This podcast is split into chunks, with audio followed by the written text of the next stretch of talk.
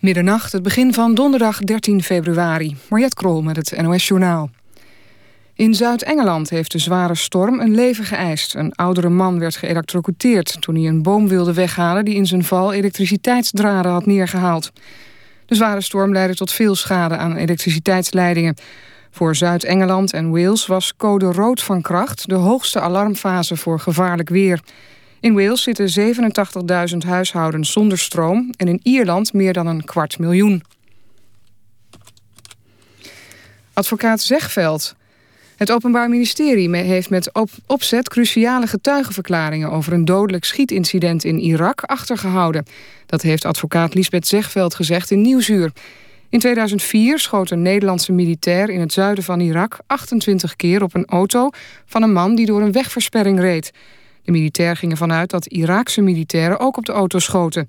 Het OM beschouwde de zaak als afgedaan en liet de militair vrij uitgaan. Zegveld is de advocaat van de vader van het slachtoffer. Zij zegt dat de Iraakse militairen hebben verklaard dat ze niet hebben geschoten. Die verklaringen zouden met opzet zijn weggelaten uit het strafproces om de Nederlandse militair te beschermen. Zegveld wil dat de militair alsnog wordt vervolgd en dat de nabestaanden een schadevergoeding krijgen. De normaal gesproken goede politieke relatie tussen PvdA en D66 is behoorlijk bekoeld. Oorzaak is de opstelling van D66 in het debat over minister Plasterk. Bronnen zeggen dat PvdA-leider Samson niet heeft zien aankomen... dat D66 een motie van wantrouwen zou indienen. Om de zaak uit te praten zouden Samson en D66-leider Pechtold... de komende dag een afspraak hebben. Dan nog het weer. Het regent en er staat veel wind. Aan de kust kan het tijdelijk stormen, windkracht 9. De temperatuur daalt vannacht naar een graad of 5. De komende dag vallen er buien en wordt het ongeveer 7 graden. Vrijdag blijft het grotendeels droog. Dit was het NOS Journaal. Radio 1. VPRO. Nooit meer slapen.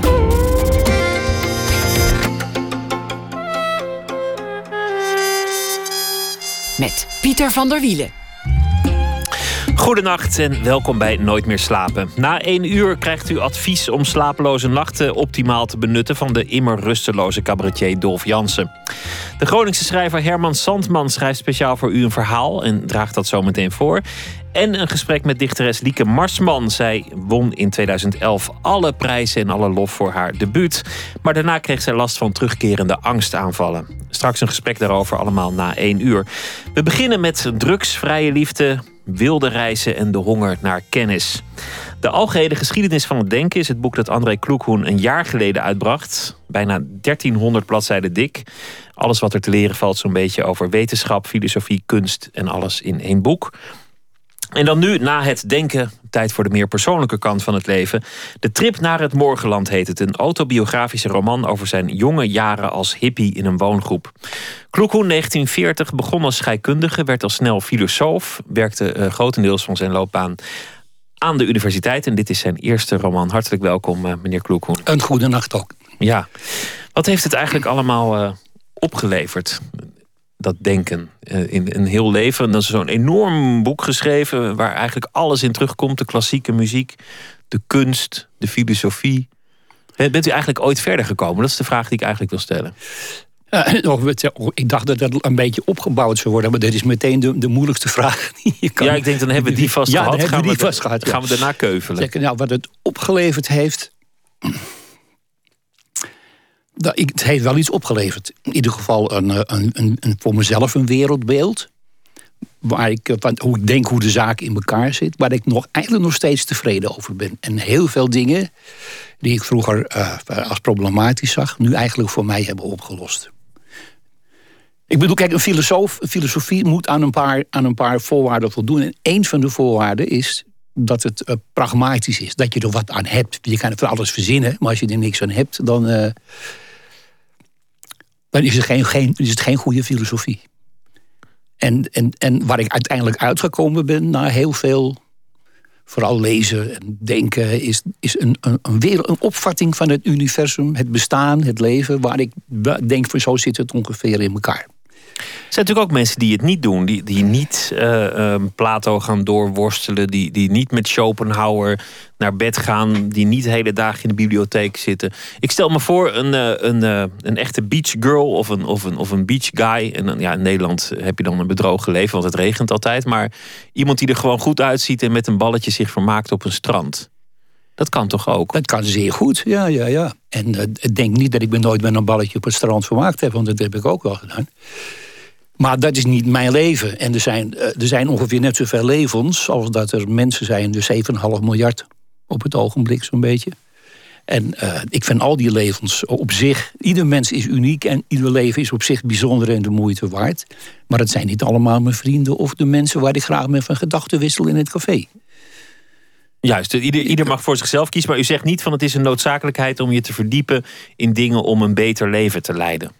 Nee, dat lijkt me niet. Dat lijkt me sterk overdreven, nee. Nee, nee. ik zou me geen seconde amuseren met als ik op het strand uh, zou met de hele dag met een bal zou moeten spelen. Dat, ontdekken heel veel mensen trouwens ook hoor, die met pensioen gaan en denken eindelijk kan ik de hele dag op het strand met een bal spelen. En dan na twee dagen dat zo doodziek van zijn dat ze, dat ze in depressie raken. En hopen dat ze weer aan het werk zouden, zouden, zouden zijn. Maar nee, iedereen mag zijn eigen leven totaal zelf invullen. Ja, ik, probeer echt niet iedereen aan de, aan, de, aan de universele filosofie te helpen. Nee, niet doen. Dus trouwens, het is geen, niet, niet zo makkelijk ook. Doe, doe wat bij je ja, past. En, ja, ja, en, en, maar goed, dat uitvinden wat bij je past... Is, is nog een hele prestatie op zich natuurlijk. Erachter komen of je nou eigenlijk een, een, een strandjongetje bent... Of een, of een, of een bibliotheekmeisje of een... Ja, maar je doet er zelf zo weinig aan, hè? omdat het eigenlijk dan toch van een soort van gegeven is. Je wordt op, in het leven geworpen. En als ik mijn eigen leven zie, dan zit daar toch een hele hoop noodzaak in. Dan ik, hè, geen, geen, uh, dus echt, ik, dat ik niet anders kon. Dit wordt je ook aangegeven. Je levenspad. Of je nou op een strand met een bal speelt, of dat je nou je, je, je leven in bibliotheken slijt en daar alleen maar in, in folianten zit te bladeren. Er zit heel weinig keuze bij. De 1300 bladzijden van vorig jaar, de algehele geschiedenis van het denken. Over, over de kunst, over, over de wetenschap, over de filosofie. Alles bij elkaar in een, in een megalomaan project. Ja. Een gigantisch uh, werk. Ja. En dan een jaar later een, een boek, De Trip naar het Morgenland, over de jonge jaren als, als hippie. Ja. Het lijkt dat het wel moet dat die twee projecten iets met elkaar te maken hebben.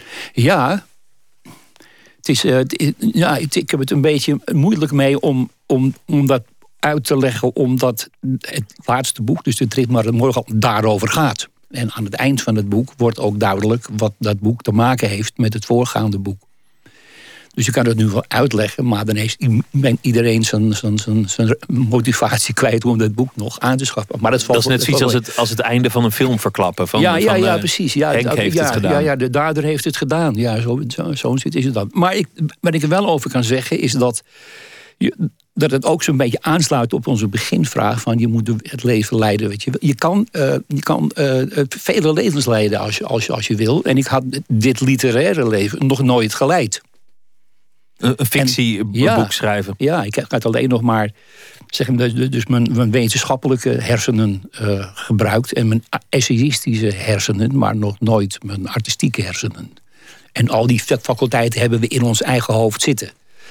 Dus je kan een leven slijten met denken, maar je kan ook een leven schrijven met voelen of creëren of kunst scheppen. Maar je kan het ook, en dat is eigenlijk wat ik wel nagestreefd heb, en ook denk ik nu dus bereikt heb, tot mijn grote tevredenheid. Dus dat ik die faculteiten beide, dus zowel het wetenschappelijke als het artistieke, beide heb kunnen gebruiken. We hebben het eigenlijk dus over twee hersenhelften. De, ja. de ene kant is dan de rationele helft, ja. de, de, de kennis. Ja. En de andere helft, de emotionele helft. Zeker, ja. De, de, de liefde, het ontdekken wie je bent, de, de, de angsten, het verdriet.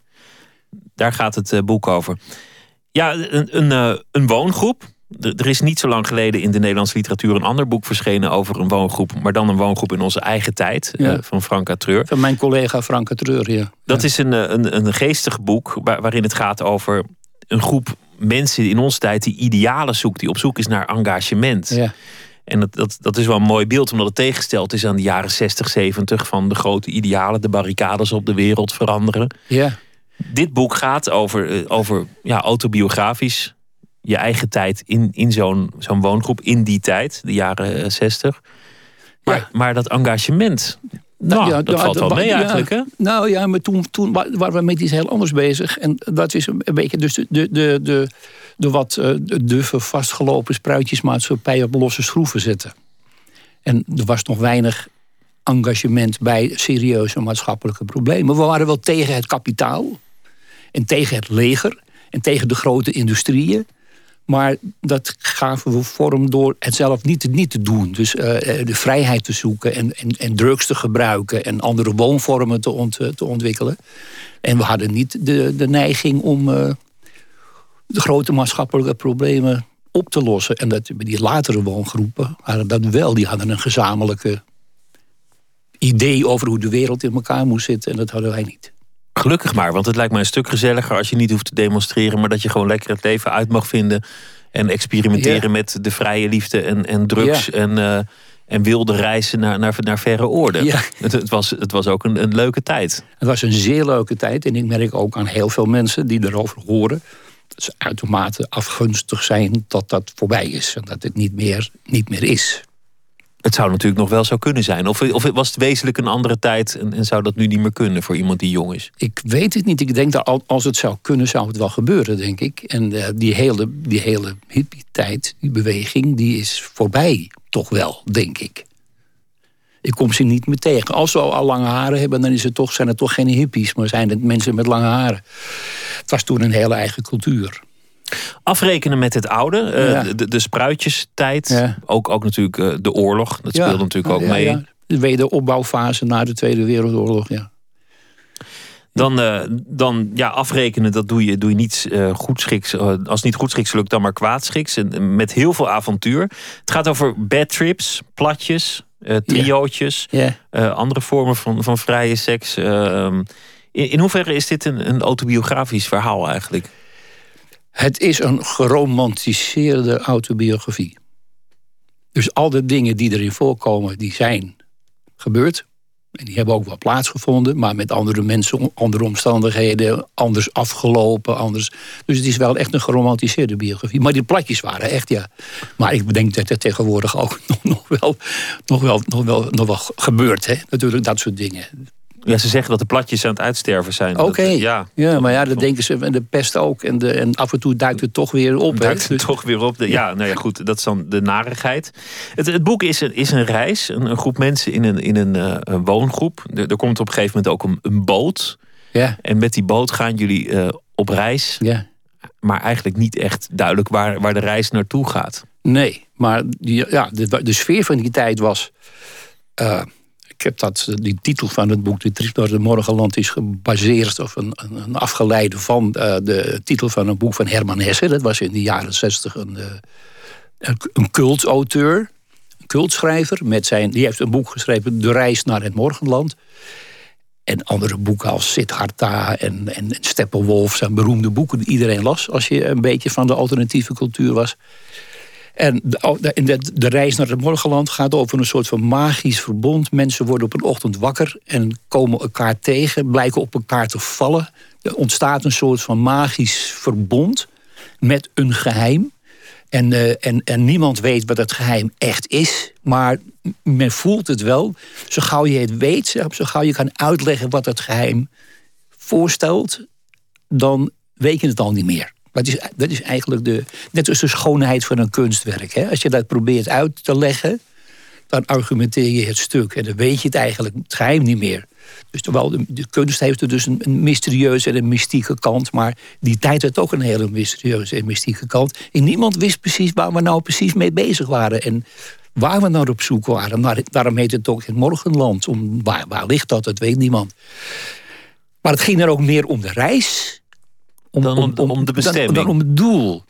Ja. Dat is, zo, zo, zo zou je dat kunnen zeggen. En dit was dus een magische reis met die, met die, met die vissersboot waar we mee aan het varen waren.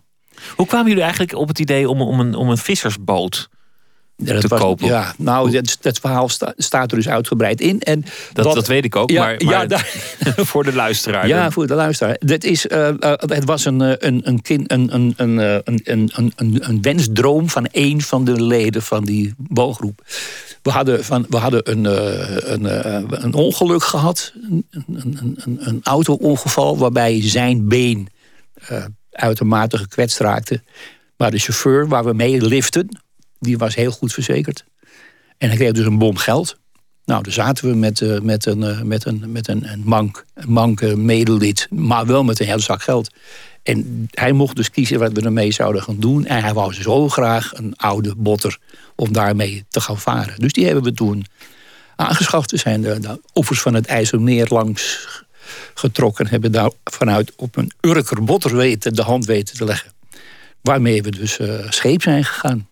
En dan eerst eh, eh, langs het IJsselmeer. En de Ja. reizen gaan steeds verder. Ja. Parijs, eh, Ja.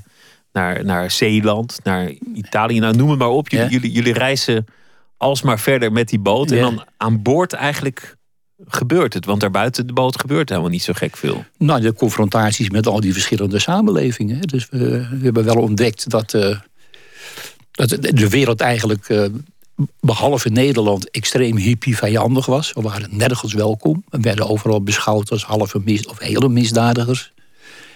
En daardoor raakte je zo geïsoleerd van de rest van de wereld dat je ook wel misdadiger werd. We hadden, op een gegeven moment hadden we geen geld om eten te kopen. Of als het wel geld hadden, was het niet de goede muntsoort. En we werden alleen maar bejegend als met argwaan. Dus hoe, hoe kom je aan eten? Terwijl we ook nog een kind aan boord hadden. Dan moest je wel de truc uithalen om een, om een, om een, om een winkel in te lopen... en ongezien wat eten stelen, omdat je het niet kreeg. Maar honger. Of een moestuin leeg te halen waar je in het donker voorbij liep. Maar dus de vijandigheid was dus, heel, was dus eh, eigenlijk heel groot. En dat maakt dus het gebeuren op, aan, aan boord van zo'n boot natuurlijk heel intiem. Om, om, je komt eigenlijk niet van die boot af, omdat je buiten, daar buiten... Als je eh, je voet op de vaste wal zette, zaten we in een politiebureau, zeg maar. Dus dan was de keuze makkelijk gemaakt.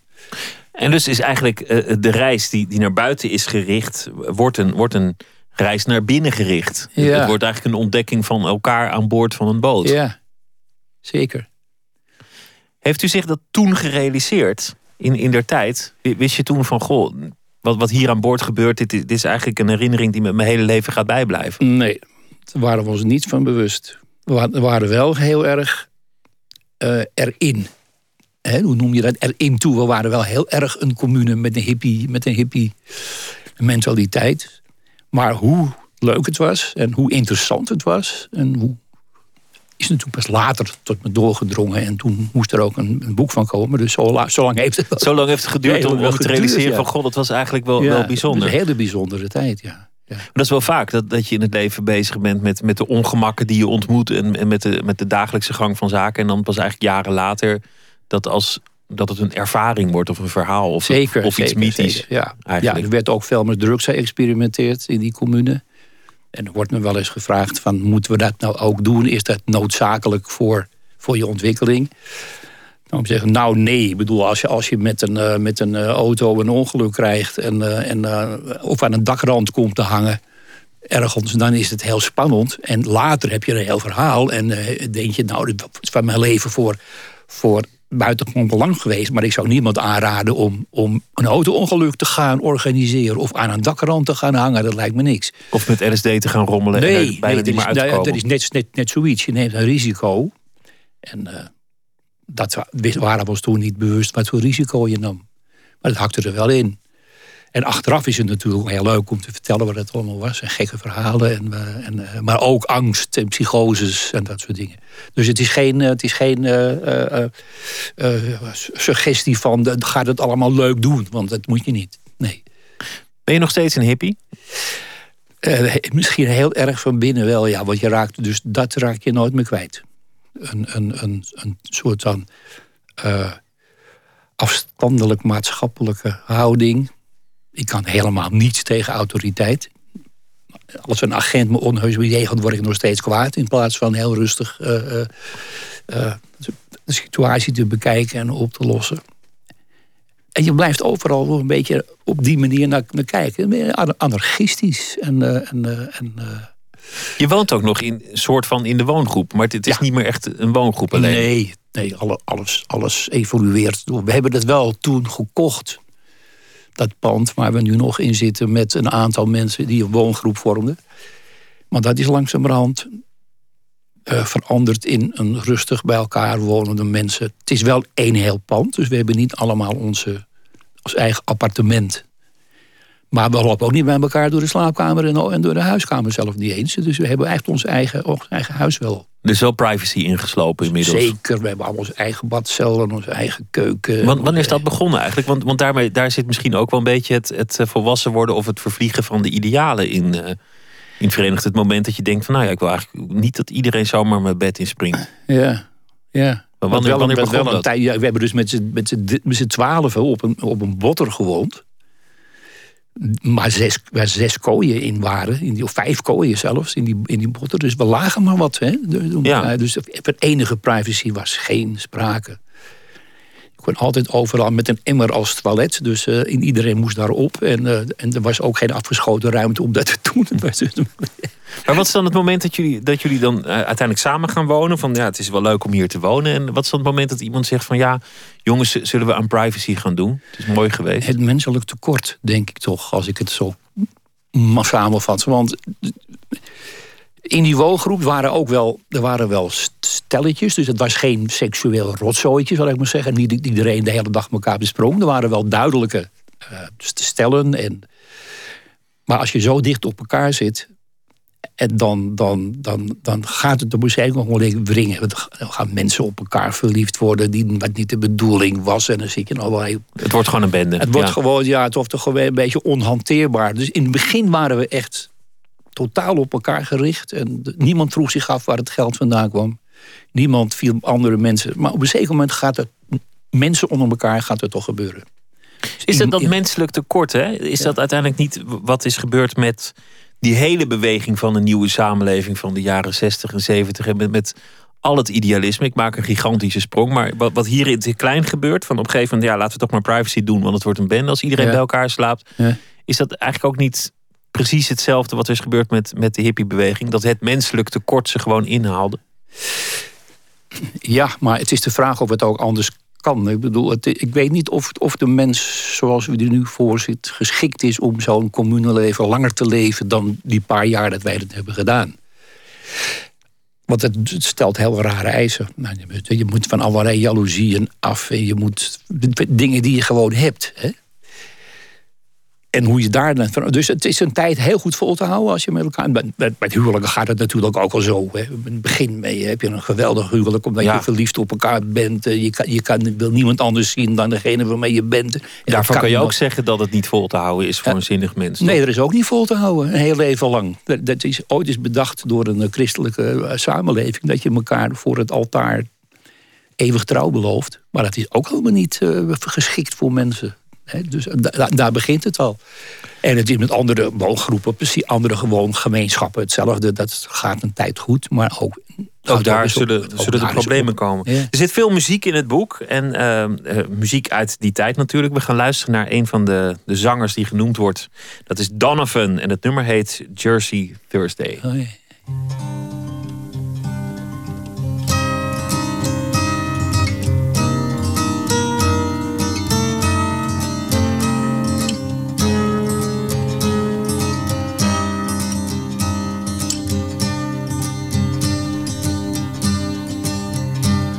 tiny piece of colored glass, my love was born. And reds and golds and yellows were the colors in the dawn. Night brought on its purple cloak of velvet to the sky, and the gulls were wheeling, spinning on Jazzy Thursday.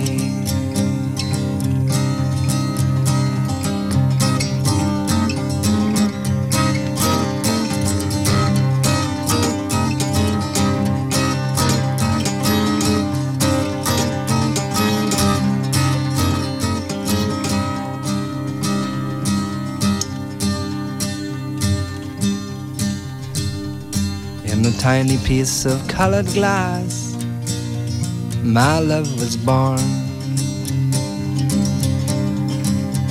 And reds and golds and yellows were the colors in the dawn.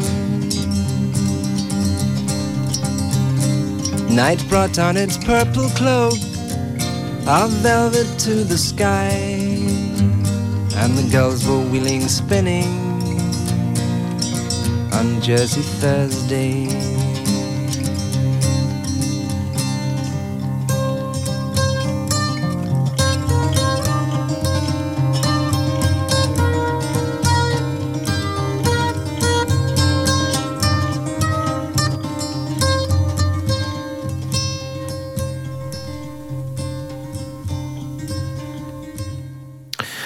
Jersey Thursday van Donovan.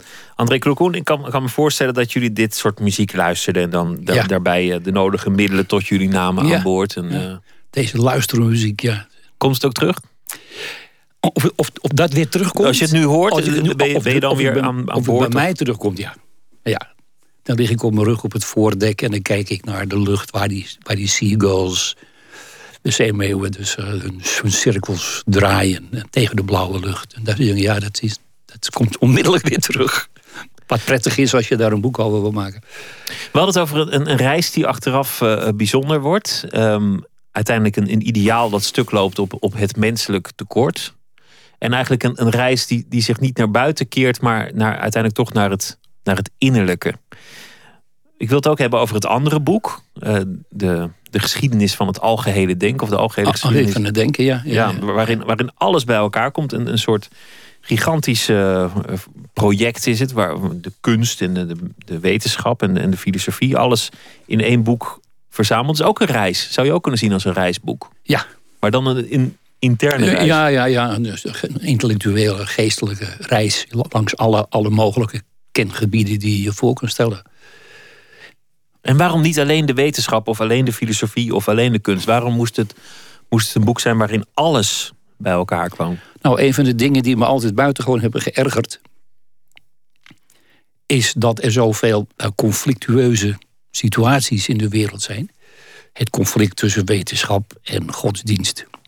Het conflict tussen wetenschap en kunst, tussen kunst en godsdienst, filosofie. En, dus als je de geschiedenis van de filosofie bekijkt, dan, dan is het een, alleen één hele conflictueuze geschiedenis. Als je, als je begint bij, het is altijd meteen een sterk voorbeeld. Plato was eerst dichter, heeft toen, toen hij het licht zag als rationalist, als zijn gedichten woedend in het vuur gegooid en de rest iedereen verboden verder nog om dat soort onzin bezig te houden.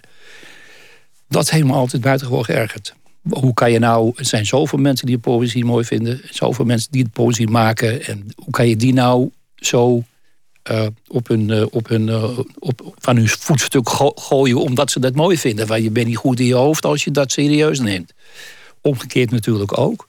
En ik heb altijd gezocht naar een visie waarin al die verschillende opvattingen, waarbij zowel de wetenschappelijke als de poëtische, als de religieuze, als de filosofische kijk op de wereld bij elkaar komen. En, en als je dat doet, dan kom je erachter dat de ene de andere impliceert. Dus het is niet zo dat je, dat je daar een conflict situatie hebt. Maar als je je voorstelt dat je als wetenschapper naar, naar de buitenwereld kijkt en daar wetmatigheden en logische structuren in, in ontdekt, dan. Uh, ontdek je ook dat je zelf deel uitmaakt van die wereld. Waar je geen afstand van kan nemen. Waar je niet wetenschappelijk naar kan kijken. Of logische structuren in ontdekken. Dat je er zelf bent en dat is een andere uh, inhoud. Dat is de, de, de, de, existentiële inhoud. Dus je bent zelf net zo goed. Als je wetenschapper bent, ben je zelf net zo goed ook dichter. Dat, dat, neemt zich, dat houdt zich elkaar in.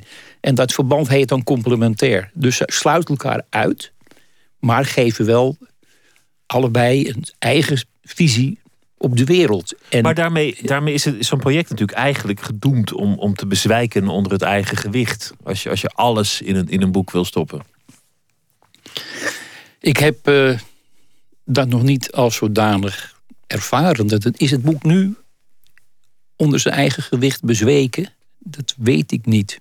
Nou, dat zou ik ook niet willen zeggen. Ik moet je bekennen dat ik het ook niet heb uitgekregen. 1300 bladzijden voor de uitzending. Nee. Ik ga het wel uitlezen. Want het is, het is waanzinnig uh, interessant. Het, het, is gaaf geschreven. En het, het is, er zit een enorme levenslust in het boek. Maar het staat in zekere zin haaks op wat, wat mensen in de wetenschap doen. Want dat is namelijk altijd dat je dingen steeds kleiner en toegespitster maakt. Ja. Dus je kiest een hele concrete vraag in een heel concreet vakgebied Ja. met een heel concreet proefje. Ja. En zo ploeteren we verder. En, dit lijkt daar haaks op te staan. Ja, nou, ja en nee. Want in deze geval, het, het kan niet anders. Je kan niet anders wetenschappelijk onderzoek doen dan dat te doen, wat je net zegt. Maar tegelijk moet je, moet je beseffen dat je niet zonder die andere kant eh, eh, kan. Eh, kijk, wetenschap is een amorele bezigheid, zoals het dan heet. Het is je, je, je meet, je rekent, je cijfert. En eh, da- da- daar zit, geen, daar zit geen, geen moraal aan. En dat heeft tot een aantal eh, eh, uitwassen geleid die, die dus, dus daaraan ten onder zijn gegaan. De beroemde voorbeelden zijn natuurlijk de ontwikkeling van de kernwapens. Beroemd voorbeeld natuurlijk ook de holocaust. Die, wat, wat in feite een, een rationele onderneming is geweest. Omdat kennelijk het tegenwicht er niet was. Dus het, ethische bezwaar wat je daar eh, tegen kan maken... niet aanwezig was. Omdat mensen wetenschappelijk bezig waren. Dus ze, ze wilden een betere mens of, of de mensheid zuiveren. Ja, het was natuurlijk wel een beetje verdwaalde wetenschap. Maar Ja, die is verdwaald omdat er geen ethische kant in de wetenschap zit. Per definitie niet. Hè? Omdat je er van de buitenkant naar kijkt, naar de wereld. Zit er per, de- per definitie geen, intern, geen interne eh, eh, eh, ethisch, ethische kant aan. Die moet je er vanuit een ander perspectief zelf tegenover zetten. Ik vroeg aan het begin, wat heeft het allemaal opgeleverd? Al, al, dat, eh, al dat denken. T- toen zei je, nou, het heeft mij een, een wereldbeeld gegeven. Kan, Ja. kan wetenschap alleen iemand in die zin verder helpen? Zal, zal wetenschap je ooit echte kennis opleveren? Nee, dat lukt dus niet.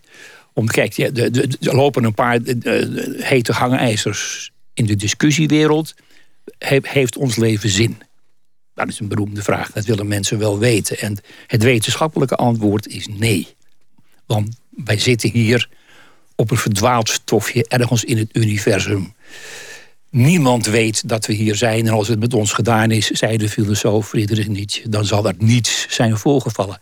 Dat is geen uitgangspunt waaruit je een, een zinvol leven, waarom je een leven leidt waar je, waar je iets mee kan, waar je iets aan hebt. Je, Er is ergens een brok hier naartoe geslingerd en daar zitten wij. En daar is dan toevallig wat, wat leven ontstaan. En, Ja. en ja, Ja. mensen komen en gaan. En, en als er dan nog miljarden andere, andere planeten zijn... dan zijn we echt zandkorrels in de woestijn. Of misschien nog wel schaarser dan. Ja, precies. En dat is geen, eh, voor mij geen zinvol uitgangspunt om de dag te beginnen iedere morgen en s'avonds tevreden in bed te stappen. Dat is maar een deel van het verhaal. Het andere deel van het verhaal is. Natuurlijk heeft het leven zin. Ik sta iedere dag op, jij ook. En eh, eh, we gaan aan het werk en we doen leuke dingen en we hebben er plezier in. En dat, dat rijmt helemaal niet met het feit dat het er allemaal niet toe doet. Want als we dat zouden weten, als we dat zouden vinden. Dan waren we al lang van het dak gesprongen. Of dan, wat, wat, wat doe je hier dan? Ik bedoel, dat Maar je, is- voelt, je voelt dat het zin heeft. Dat zit in het organisme ingebouwd. Dat je, Ja. dat je 's ochtends wakker wordt. Ja. Als alles tenminste een beetje loopt. En denkt van nou, we, we, gaan, we gaan beginnen. Dus daar ervaar je gewoon dat, dat je eigen leven in ieder geval voor jou zin heeft. En voor anderen om je heen en dat soort dingen. Maar als je het gewoon ervaart, heb je er ook geen, geen wijsgieren voor nodig. Dan heeft het, het jongetje of het meisje met de bal op het strand net zoveel zin om de dag te beginnen als ieder ander. Ja, zeker. En dat is ook zo. Ja, dat is ook wel zo, ja. ja, ja, ja. ja.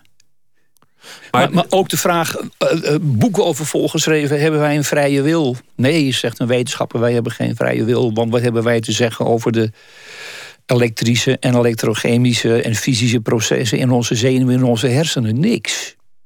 Wat natuurlijk ook zo is. Maar als je dat zou accepteren als enige, enige waarheid, dan eh, zouden we geen misdadiger meer kunnen veroordelen. Want wat, wat kan die eraan doen? Aan zijn, aan zijn, aan zijn zenuwen, ze- elektrische processen in zijn zenuwen en dat soort dingen. Dus dat is maar een deel van het verhaal. We hebben ook een vrije wil. Waarin we zelf kunnen besluiten of we ergens in mee zullen gaan of niet. Dus als de, als de hersenwetenschapper eh, vol overtuiging aantoont dat er geen vrije wil is, dan Ja. zal die daarna naar huis moeten gaan en beslissen of die macaroni of, of spinazie wil eten. Alleen dat al, ja. Ja, Dus, dus uiteindelijk zit er zo'n soort grens aan het belang van de wetenschap. Ja, dus de wetenschap is maar de helft van het verhaal. En de, de kunst is dan, is dan, wat ik beweer, de andere helft van het verhaal. En in de kunst zit onze vrije, onze vrije keuze. En in de wetenschap zit die dus niet.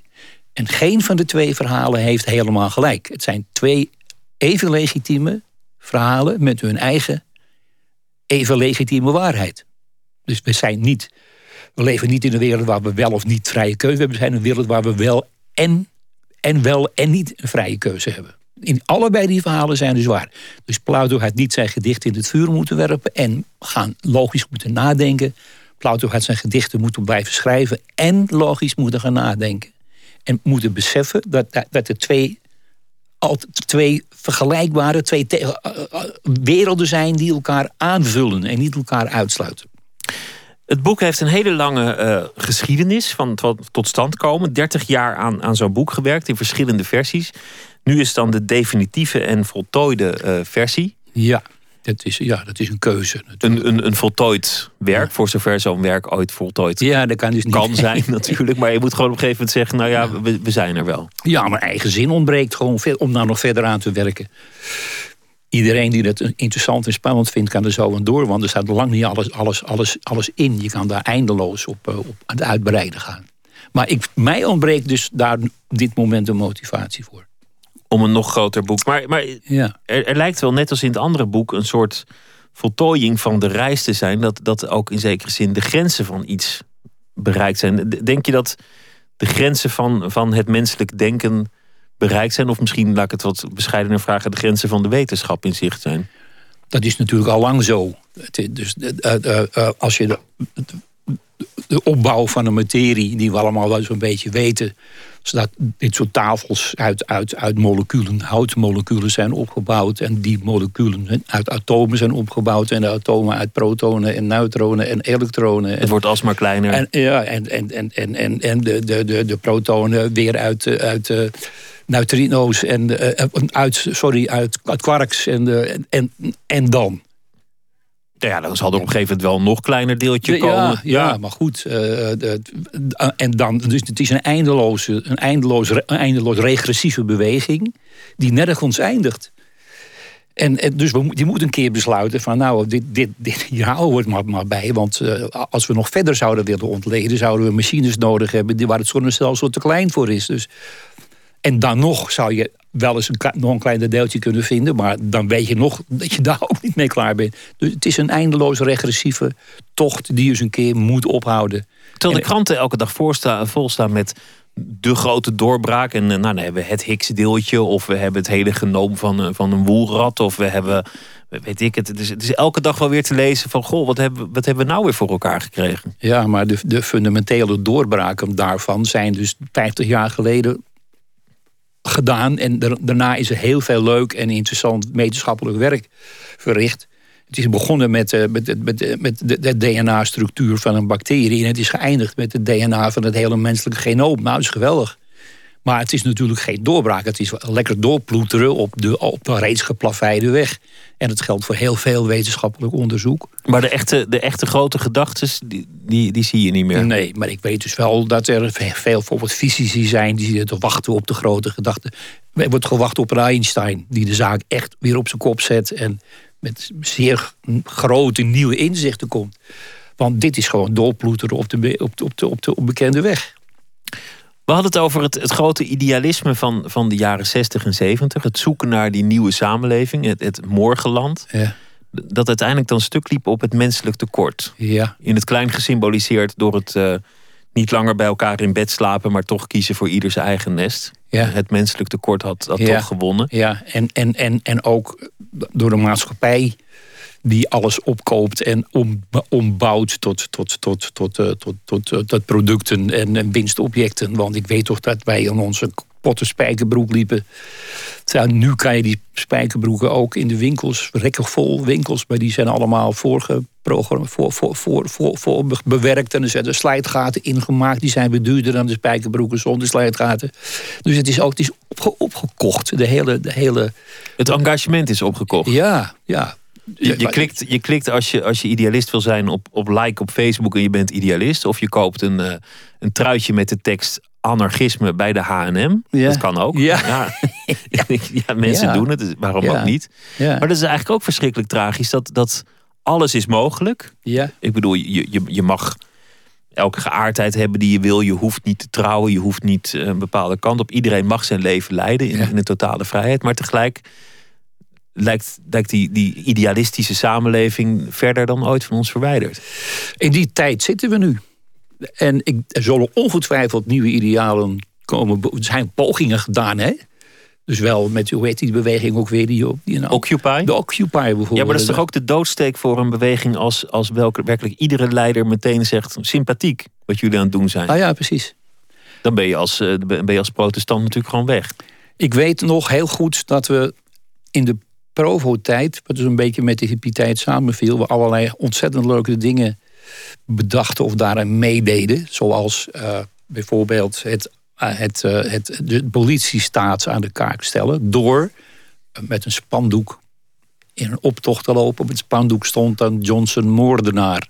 En dat riepen we dan ook. Dachten, Johnson moordenaar, Johnson mo- wat gewoon de politie aanzetten, te paard en met, auto, met auto's. Want dat mocht niet. Hè. We waren een bevriend staatshoofd aan het beledigen. Waarna de week daarna met die spandoeken eh, Johnson Molenaar liepen te roepen. En Johnson Molenaar, wat dus ook niet mocht, omdat het te veel op moordenaar leek. Ja, maar dat is toch heerlijk? Autoriteiten die zich lekker makkelijk laten Precies, maar dat, tarten. maar, maar, maar, dat, maar dat gebeurt dus niet meer.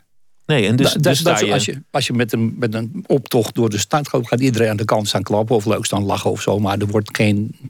Dus dat is ook een. eh, We hebben wel iets bereikt, hè? Dus eh, door, dat, door dat te doen. Maar, maar tegelijk ook helemaal niks, niks bereikt. Want, want uiteindelijk is er gewoon Ja. maar één model. Binnen dat model is veel mogelijk. Ja, Maar het model is gewoon die consumptiesamenleving waar jullie zo tegen waren. Ja. Is waar.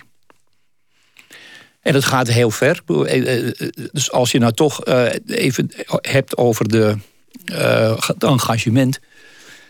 Waarbij eh, in de jaren 60. Toen wanneer verscheen het eerste rapport van de Club van Rome, jaren 1970 of zoiets. 1970 of zo, die kant op. En ik dacht toen van dit redden we nooit. We moeten terug in onze consum- consumptieve gedrag.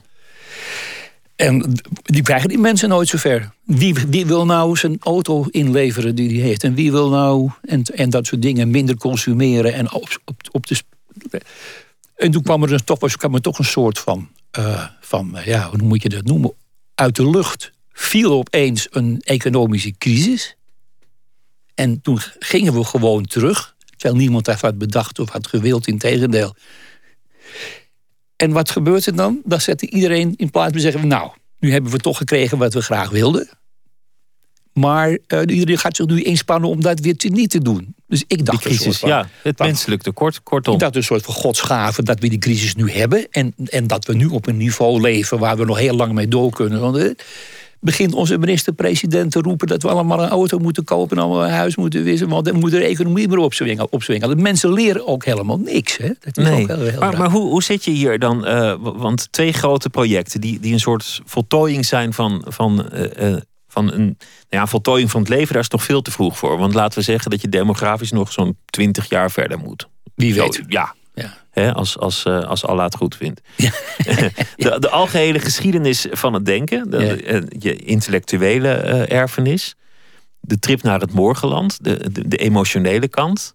Maar tegelijk eigenlijk de, de grote idealen waar het allemaal om ging. Aan de ene kant de wetenschap, aan de andere kant die nieuwe samenleving.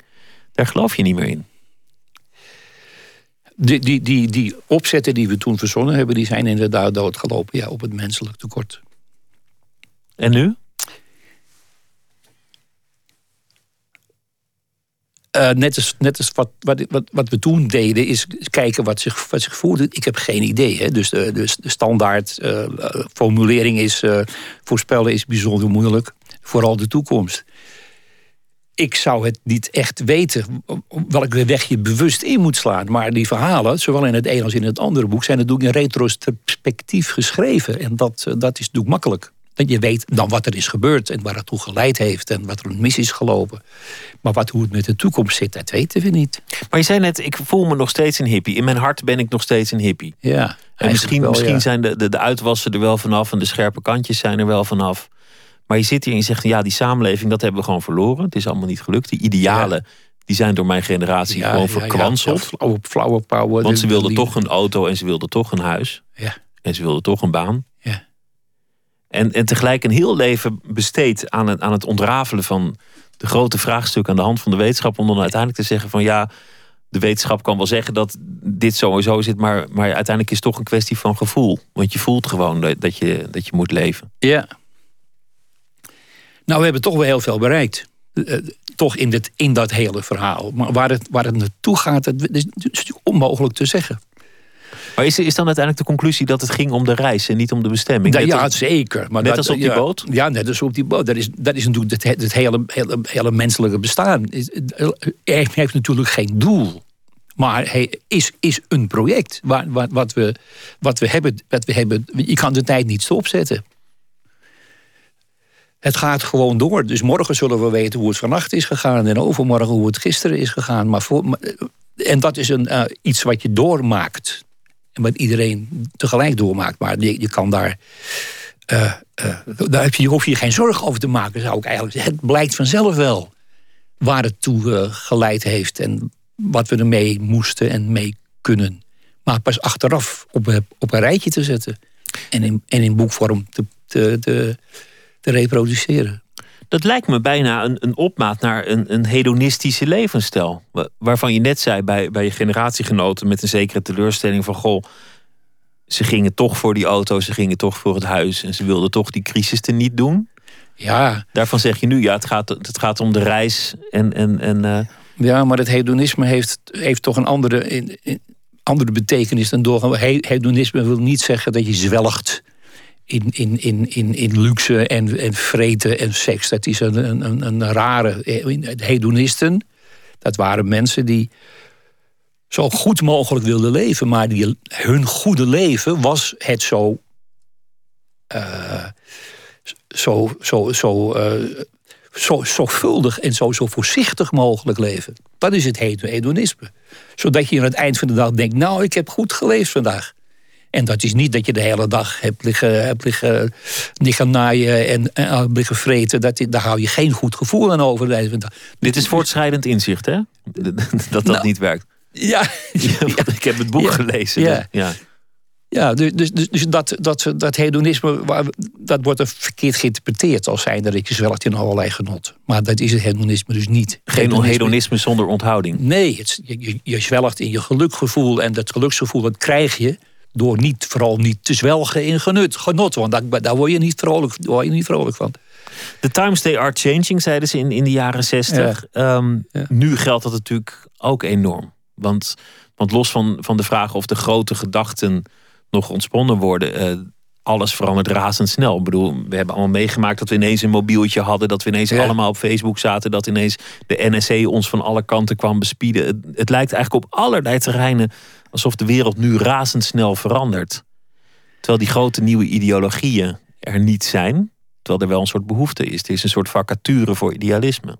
Ja, maar dat is toch wel iets voor de generatie na mij. Maar hoe zie je dat als, als, als oude hippie? Hoe kijk je naar die generatie na je? Denk je van, die gaan het wel verzinnen? Of...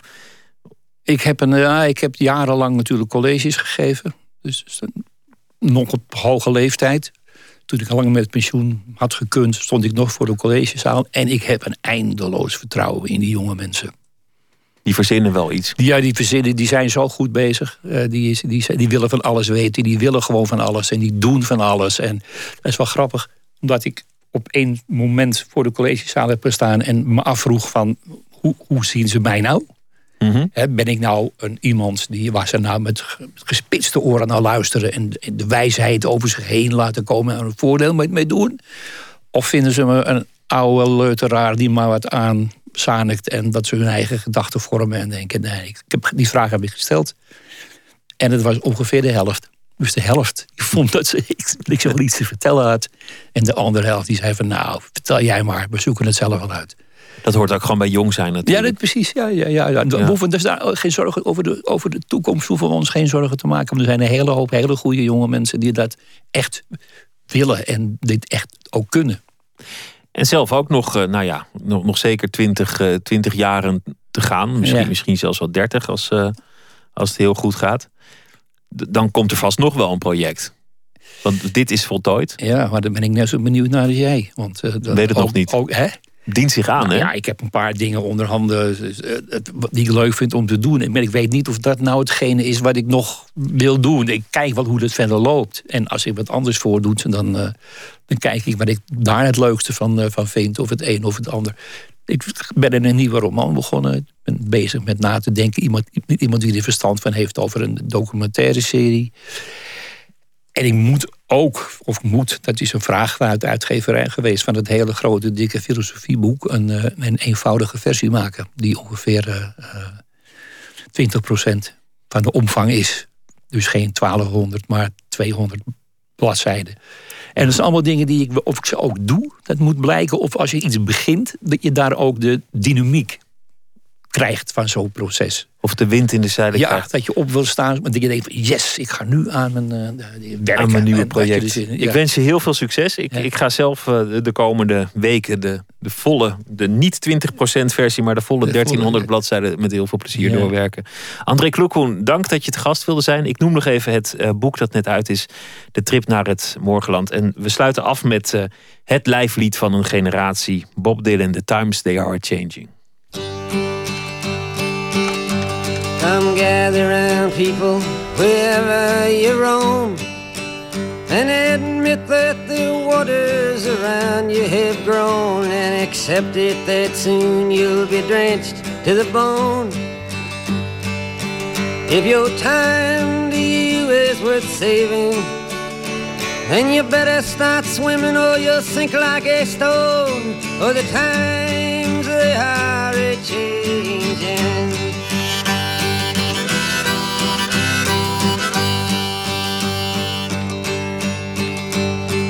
Writers and critics who prophesize with your pen. And keep your eyes wide, the chance won't come again. And don't speak too soon, for the wheel's still in spin. And there's no telling who that it's naming. Was the loser now will be later to win, for the times they are a changing.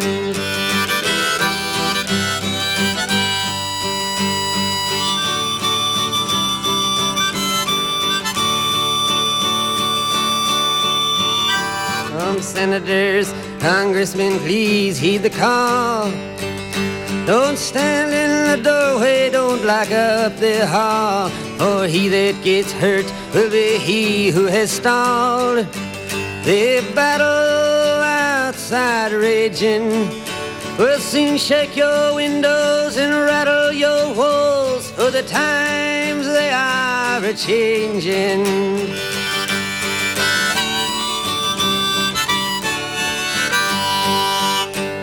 Mothers and fathers throughout the land. And don't criticize what you can't understand. Your sons and your daughters are beyond your command. Your old road is rapidly aging. Please get out of the new one if you can't lend your hand. For the times they are a changing.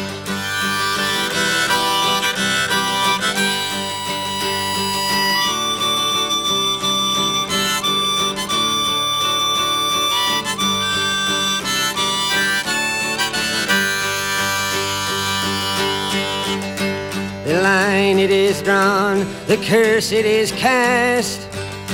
The slow one now will later be fast, as the present now will later be past. The order is rapidly fading, and the first one now will later be last. For the times they are a changing.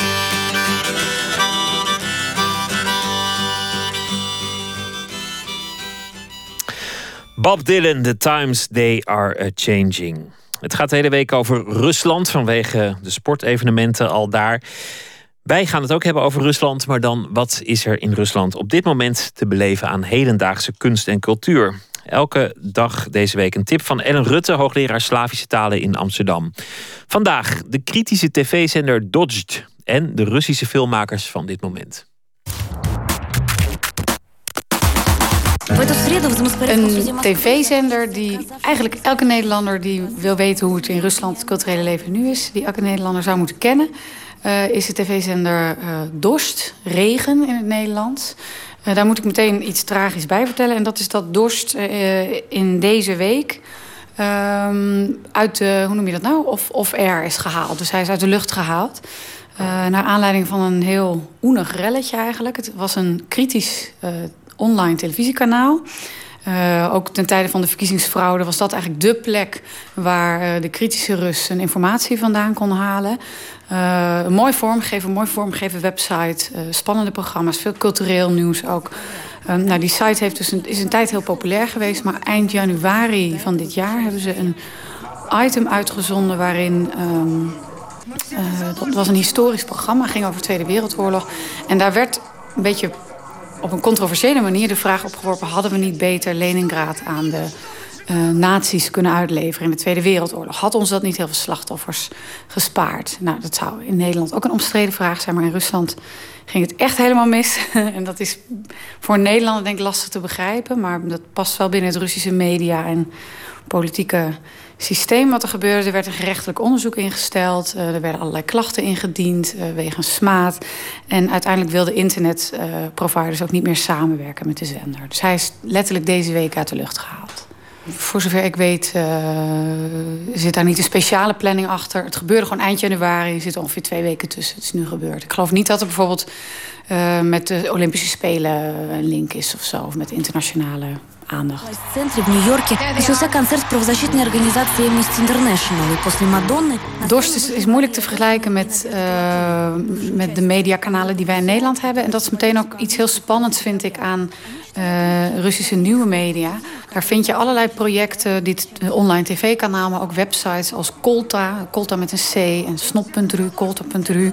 Dat zijn culturele nieuwsportals uh, die ongelooflijk uh, vernieuwend zijn, innovatief. En daar gebeurt het eigenlijk allemaal. In Nederland probeer, probeert men veel meer te laten gebeuren, ook op televisie. Maar online zijn dat echt de plekken waar het gebeurt.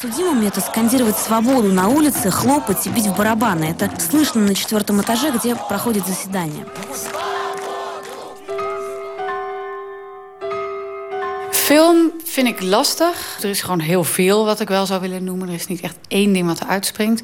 Maar toch wat interessante namen. Uh, er wordt wel gesproken van een uh, soort trend in recente Russische films, film van nieuwe stille films. Novoye Tichie, uh, zegt men dan in het Russisch. Dat zijn regisseurs die... Ja, er zijn allerlei dingen met die films aan de hand. Maar onder andere zie je dat ze heel erg geïnteresseerd zijn in het Russisch landschap. En juist ook verlaten Russische gebieden. het Russische platteland. Dat wordt op een soms bijna romantische bijna zoetsappige manier gefilmd, maar vaak wel in films met een beetje donker plot. En voorbeelden daarvan zijn uh, de films van Zvyagintsev. Die hebben in Nederland ook uh, de arthouse bioscopen gehaald. De terugkeer was ook een beetje een hit in Nederland. All my life, my father was only a photograph in the attic. A dream that had vanished.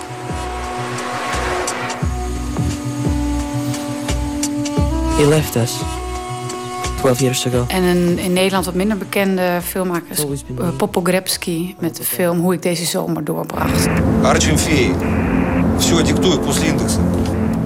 Dat is zo van de laatste vijf, zeven jaar zijn dat echt hele grote arthouse hits geweest. Um, wat ik zelf nog een spannende regisseur eigenlijk vind aan deze regisseurs is Alexander Zeldovic. En die combineert ook zo'n liefde voor Russisch landschap, bijna romantische shots van ja, Russisch platteland. Ook met uh, hele spannende portretten van de uh, elite in Rusland. Met sociale kritiek, uh, politieke satire, een beetje science fiction, actie. In een hele spannende combinatie. Ja, voor mij is dat een beetje een film die ik net zo spannend vond als The Dark Knight of zo. Een beetje genre-overstijgend, heel hoog niveau. Это надвигается как волна.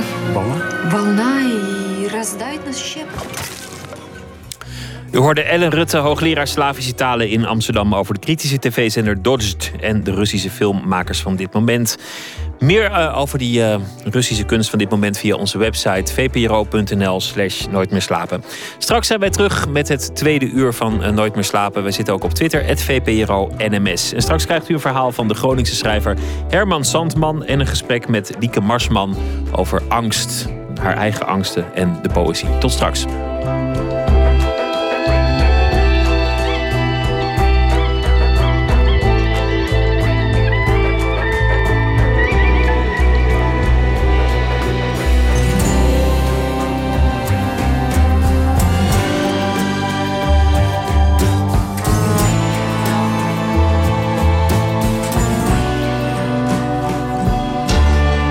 Radio 1, het nieuws van alle kanten.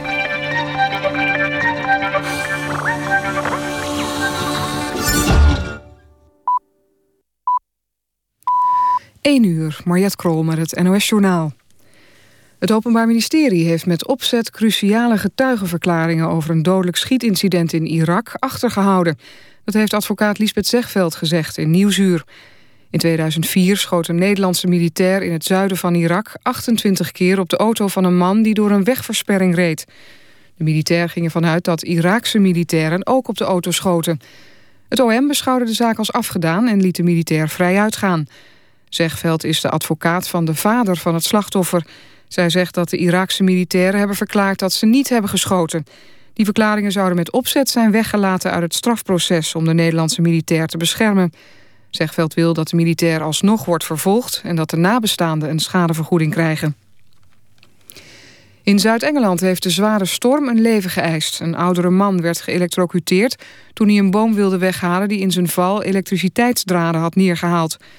Voor Zuid-Engeland en Wales was code rood van kracht... de hoogste alarmfase voor gevaarlijk weer.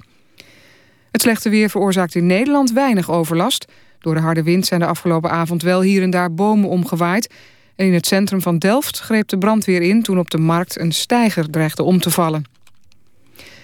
Op het ABN AMRO tennistoernooi in Rotterdam... is op de derde dag de als eerste geplaatste speler uitgeschakeld. Zo Wilfried Tsonga verloor in twee sets van de Kroaat Marin Cilic.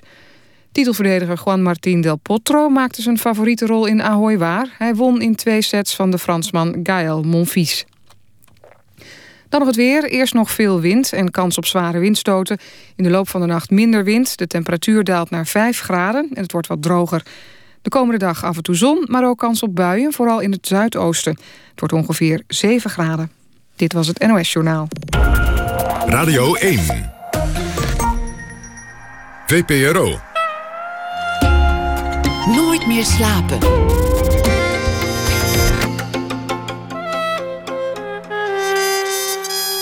Met Pieter van der Wielen. Welkom terug bij Nooit meer slapen. Straks eh, gaan we het hebben over de gedichten van Lieke Marsman en over haar angststoornissen. We hebben een uh, gesprek met Jacco Olivier, een kunstenaar die buitengewoon succesvol is in het buitenland, maar in Nederland toch wat minder. En hoe kan dat eigenlijk?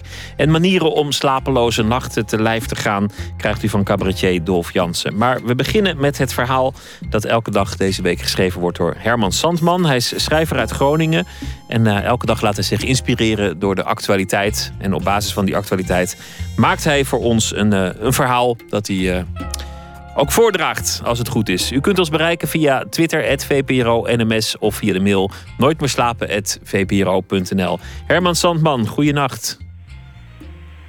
Goeienacht Herman, ben je daar?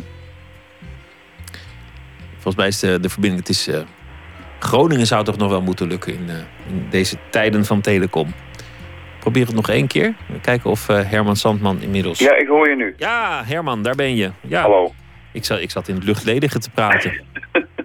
ja, ik hoorde op zeker moment niets meer. Maar ineens dan kwam je weer door. Dus uh, oh, ja. volgens mij gaat het goed nu. Nou ja, dan hadden we wat geworsteld met de telecomautoriteiten. En inmiddels uh, hebben we elkaar aan de lijn. Wat heeft jou vandaag uh, geïnspireerd? toch maar even over het gas. Ja. Het, het, het, het gaswinningsprobleem dat speelt al een tijdje. En ik denk, ja, daar moet ik toch iets mee. Ja, dat is, ik kan me voorstellen. Want, want jij woont ook echt in Slochteren, hè, zei je gisteren. Ja, ik, ik woon in Slochteren, dus uh, boven de gasbel, midden in het uh, gaswinningsgebied. De, de gasbel waar het hele land rijk van is geworden, behalve Slochteren zelf. Daar kwam, ja, dat komt er ongeveer op neer. Ja. Dat, dat, uh, het, het, heeft welvaart gebracht en daar, daar, profiteren wij natuurlijk ook van. Maar ja, als je, als je rondrijdt door Slochteren, dan zie je niet dat je, dat je hier in het uh, gasgebied rijdt. Dus één, één monument of één uh, kunstwerk op de A7, op de plek waar waar het eerste gas is aangeboord. Maar dat is het ook ongeveer. En dat wordt ook verschillend gezegd. Maar dat dat ook ongeveer het enige is wat Groningen terug heeft gekregen van één molecuul. Ja, dat is eigenlijk gek. Want het zijn niet een soort Groningse Emiraten geworden of zoiets. Of, een, eh, of het Qatar van het noorden. Nee, dat is, nee, dat is eigenlijk heel jammer. Want Gerrit Krol heeft een keer uh, voorgelegd. De, de, Gerrit Krol, de schrijver, die, die ook bij de NAM heeft gewerkt. Die zei van, goh, als dit land in Amerika had gelegen, was, was, waren de mensen van wie het land was geweest, die waren ontzettend rijk geworden. Was het een soort Dallas van, van de tv-serie? Waarschijnlijk, ja. We hebben nu maar één of twee Porsches in uh, Slochteren, maar dat hadden er veel meer kunnen zijn. Goed, je hebt een verhaal geschreven voor ons. Ik, ik ben heel benieuwd. Uh, draag het maar voor. Oké. Okay. Vrijstaat Groningen. Rutte vloekte. De premier wist wel dat het van zijn moeder niet mocht, maar de situatie vroeg erom. Die stomme boeren hadden de Vrijstaat Groningen uitgeroepen. Hoe ze dat hadden klaargespeeld was een raadsel, maar het scheen gelegitimeerd te zijn door drie bepalingen in het Europees Verdrag voor de Rechten van de Mens. Iets met recht op leven, recht op eigendom en recht op family life. Als dat geschonden werd, kon een landsdeel zich afscheiden om haar inwoners te beschermen. Dat had Groningen vanochtend gedaan. Commissaris der Koning Max van den Berg was geïnstalleerd als staatshoofd en gedeputeerde staten en provinciale staten als kabinet en kamer. Die fucking Noorderlingen hadden de toegangswegen, het waren er niet veel, geblokkeerd en het ergste, de gaskraan dichtgedraaid. Rutte begreep het niet. Henk had 1,2 miljard euro beloofd en gezegd dat het goed kwam met veiligheid, schadeafhandeling en preventie. Dan kwam het toch ook goed. Een kwestie van vertrouwen. Goed, de aardbevingen bleven, maar er waren regelingen en de bevolking mocht aan de dialoogtafel meepraten. Meer kon zijn regering echt niet doen. Nederland had het gasgeld nodig nu. Wat dachten die Groningers? Dat ze die 150 miljard euro die nog in de grond zat zelf mochten houden? Dacht het niet. Hij, Mark Rutte, zou zo leven ompraten. Hij had zich tot nu toe overal uitgekletst. Terwijl de dienstauto met 180 per uur richting het voormalige land van suikerbiet en strookkarton nu van koolzaad en aardgas raasde, ging de telefoon. De koning. Hij vloekte. Sorry man, nog een keer. Hoi Mark, met Willem-Alexander. Ik neem aan dat dit een grap is. Ja, maar is, jij zei eerder deze week over Plasterk... van als, als dat een Groninger was geweest, was die nooit in de problemen gekomen. Want Groningers die, die praten liever niet te veel. Maar, maar zeg je hiermee eigenlijk ook een beetje dat de volksaard van de Groningers zo rustig is... en dat, dat daarom de situatie zo voortduurt? Uh, nou, ik, ik weet niet of het aan de Groningers ligt. We hebben ze... Uh ja, het is wel een, een streek waar mensen veel uh, incasseren voordat ze een, een keer de vinger opheffen. Maar ja, het is natuurlijk wel heel lang...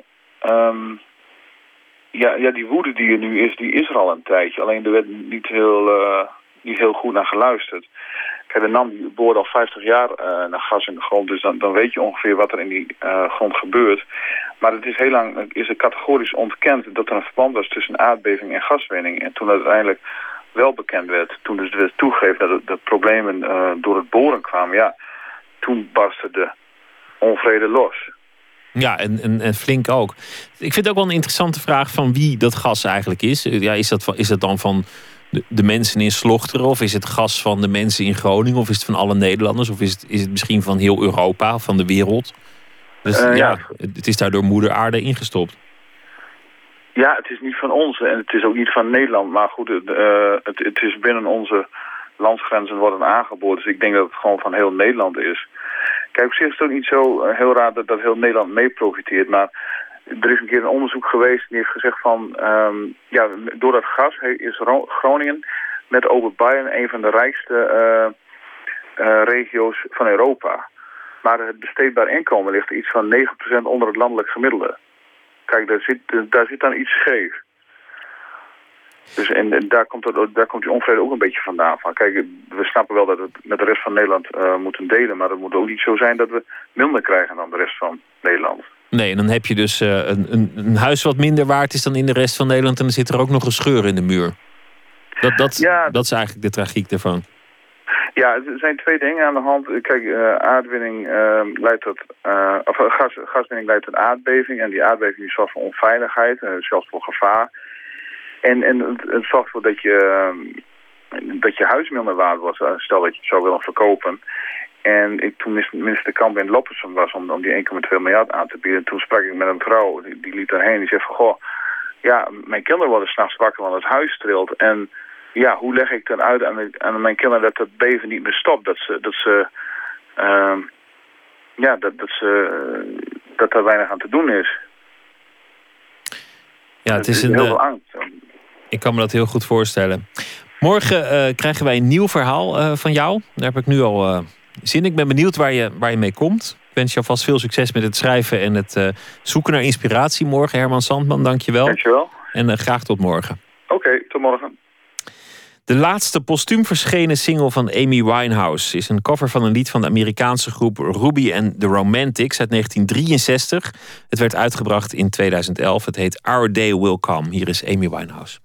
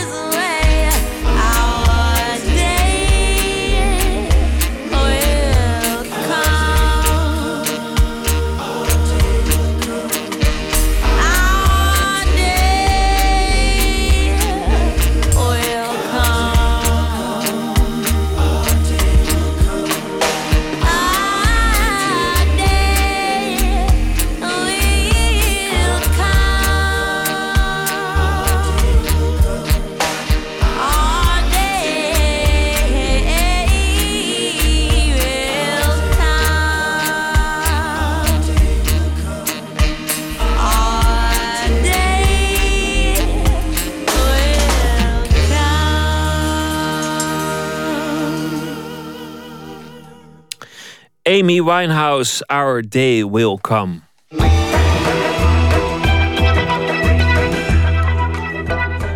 Nooit meer slapen, de VPRO op Radio 1. Voor zover er in de poëzie zoiets bestaat als een droomdebuut of een donderslag bij heldere hemel, viel dat in 2010 Lieke Marsman ten deel. De jonge dichteres debuteerde toen met haar bundel Wat ik mijzelf graag voorhoud. En ze kreeg werkelijk alles: prijzen, lof, en heel veel lovende kritieken. Eh, de Van der Hoogtprijs kreeg de Liegend Konijn de Buutprijs, de Buddingprijs. Maar rond diezelfde periode werd Marsman ook overvallen door ernstige angstaanvallen. En haar nieuwe bundel gaat dan ook over angst. De eerste letter heet die. En onze verslaggever Tjitske Mussen zocht haar thuis op. Lieke, we staan hier in jouw uh, kamer. Mhm. Uh, ergens in Amsterdam.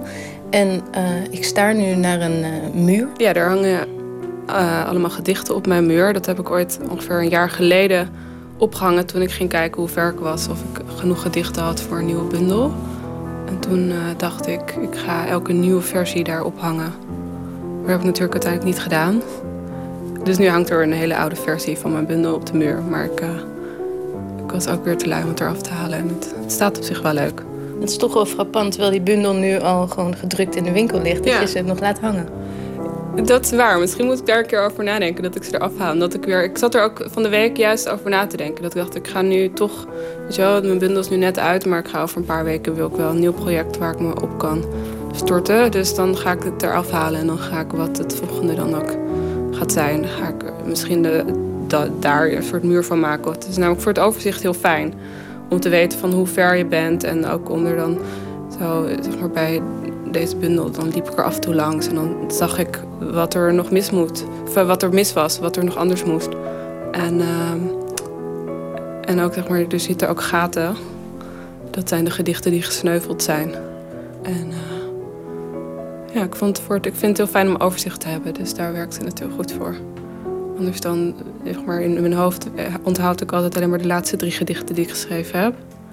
Dus dat is wel goed om jezelf dan een soort van stok achter de deur te geven en uh, te herinneren wat je ook weer had gedaan. De bundel heet De Eerste Letter. Mm -hmm. Wat is het voor bundel geworden?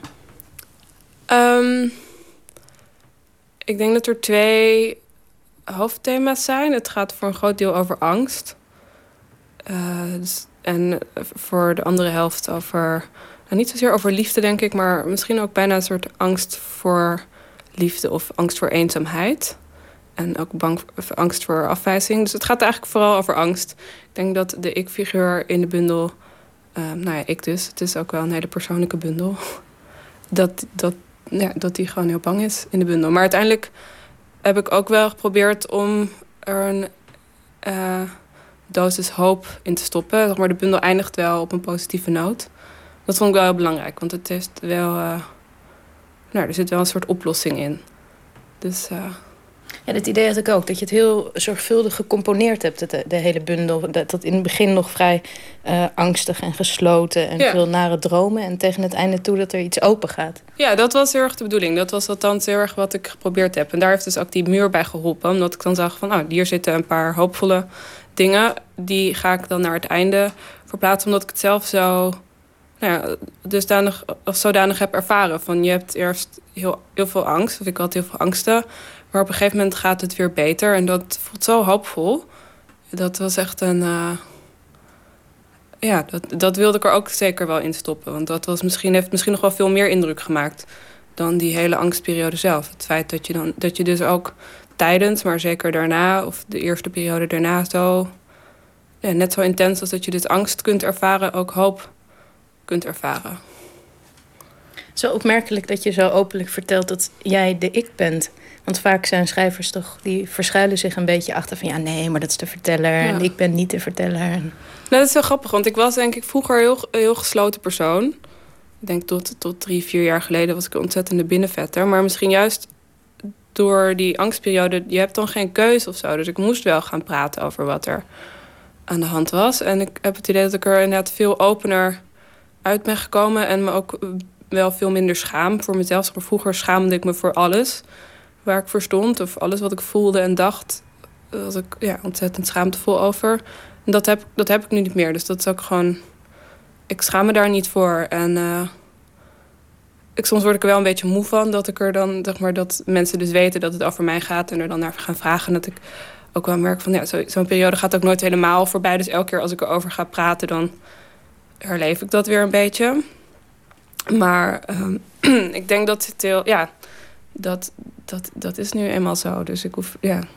En het is natuurlijk, het gaat ook maar tot op zekere hoogte over mij. Ik heb ook wel heel veel dingen aangedikt en verdraaid en uh, anders opgeschreven. En uh, dat is natuurlijk altijd. Een gedicht is ook alsnog. Het, is niet, het staat niet één op één met wie ik ben. Het is ook wel. Ik heb ook wel gebeurd iets te creëren. Ik dacht, laten we beginnen met het titelgedicht. Volgens mij is een titelgedicht altijd veelzeggend voor een bundel. Ja, dat is waar. Uh, het is een reeks, dus wil je dat ik ze alle vijf voorlees of alleen de eerste? Doe maar alleen de eerste. De eerste letter, 1. Als ik hier zou gaan liggen, zou ik niet door wolven verslonden worden. Mezelf niet naar een rivier dragen en daar geen dorst van krijgen. Een stad achterlaten die ik voor altijd voor me zal zien. Niet langer een tikkende schorpioen achter me aan hebben in een nacht die zich kenmerkt door licht. Sinds wanneer schrijft een nacht zichzelf eigenschappen toe en kwalificeer ik niet langer als mens? Ik ben een geit met een navelstreng, een vlezige lijn die me bij het jouwen houdt. Jij bent niet de schaar die me afknipt, maar ook niet de wieg waarin ik geboren word. Ergens in deze berg moeten mijn sokken toch liggen, iets zachts voor mijn voeten dat ze warm houdt. Op welke manier is deze reeks het centrum van jouw bundel? Of wat, wat zegt het over het geheel? Um, nou, ik denk het, vijfde gedicht um, van deze reeks... die heeft ook letterlijk de zin... Uh, als het woord angst met de eerste letter van het alfabet begon in iedere taal. En dat is een beetje de eerste zin die ik uh, schreef van de bundel. En toen kreeg ik ook het idee van, nou, ik wil dus dat het over angst gaat en ik wil dat dat dan uh, centraal komt te staan.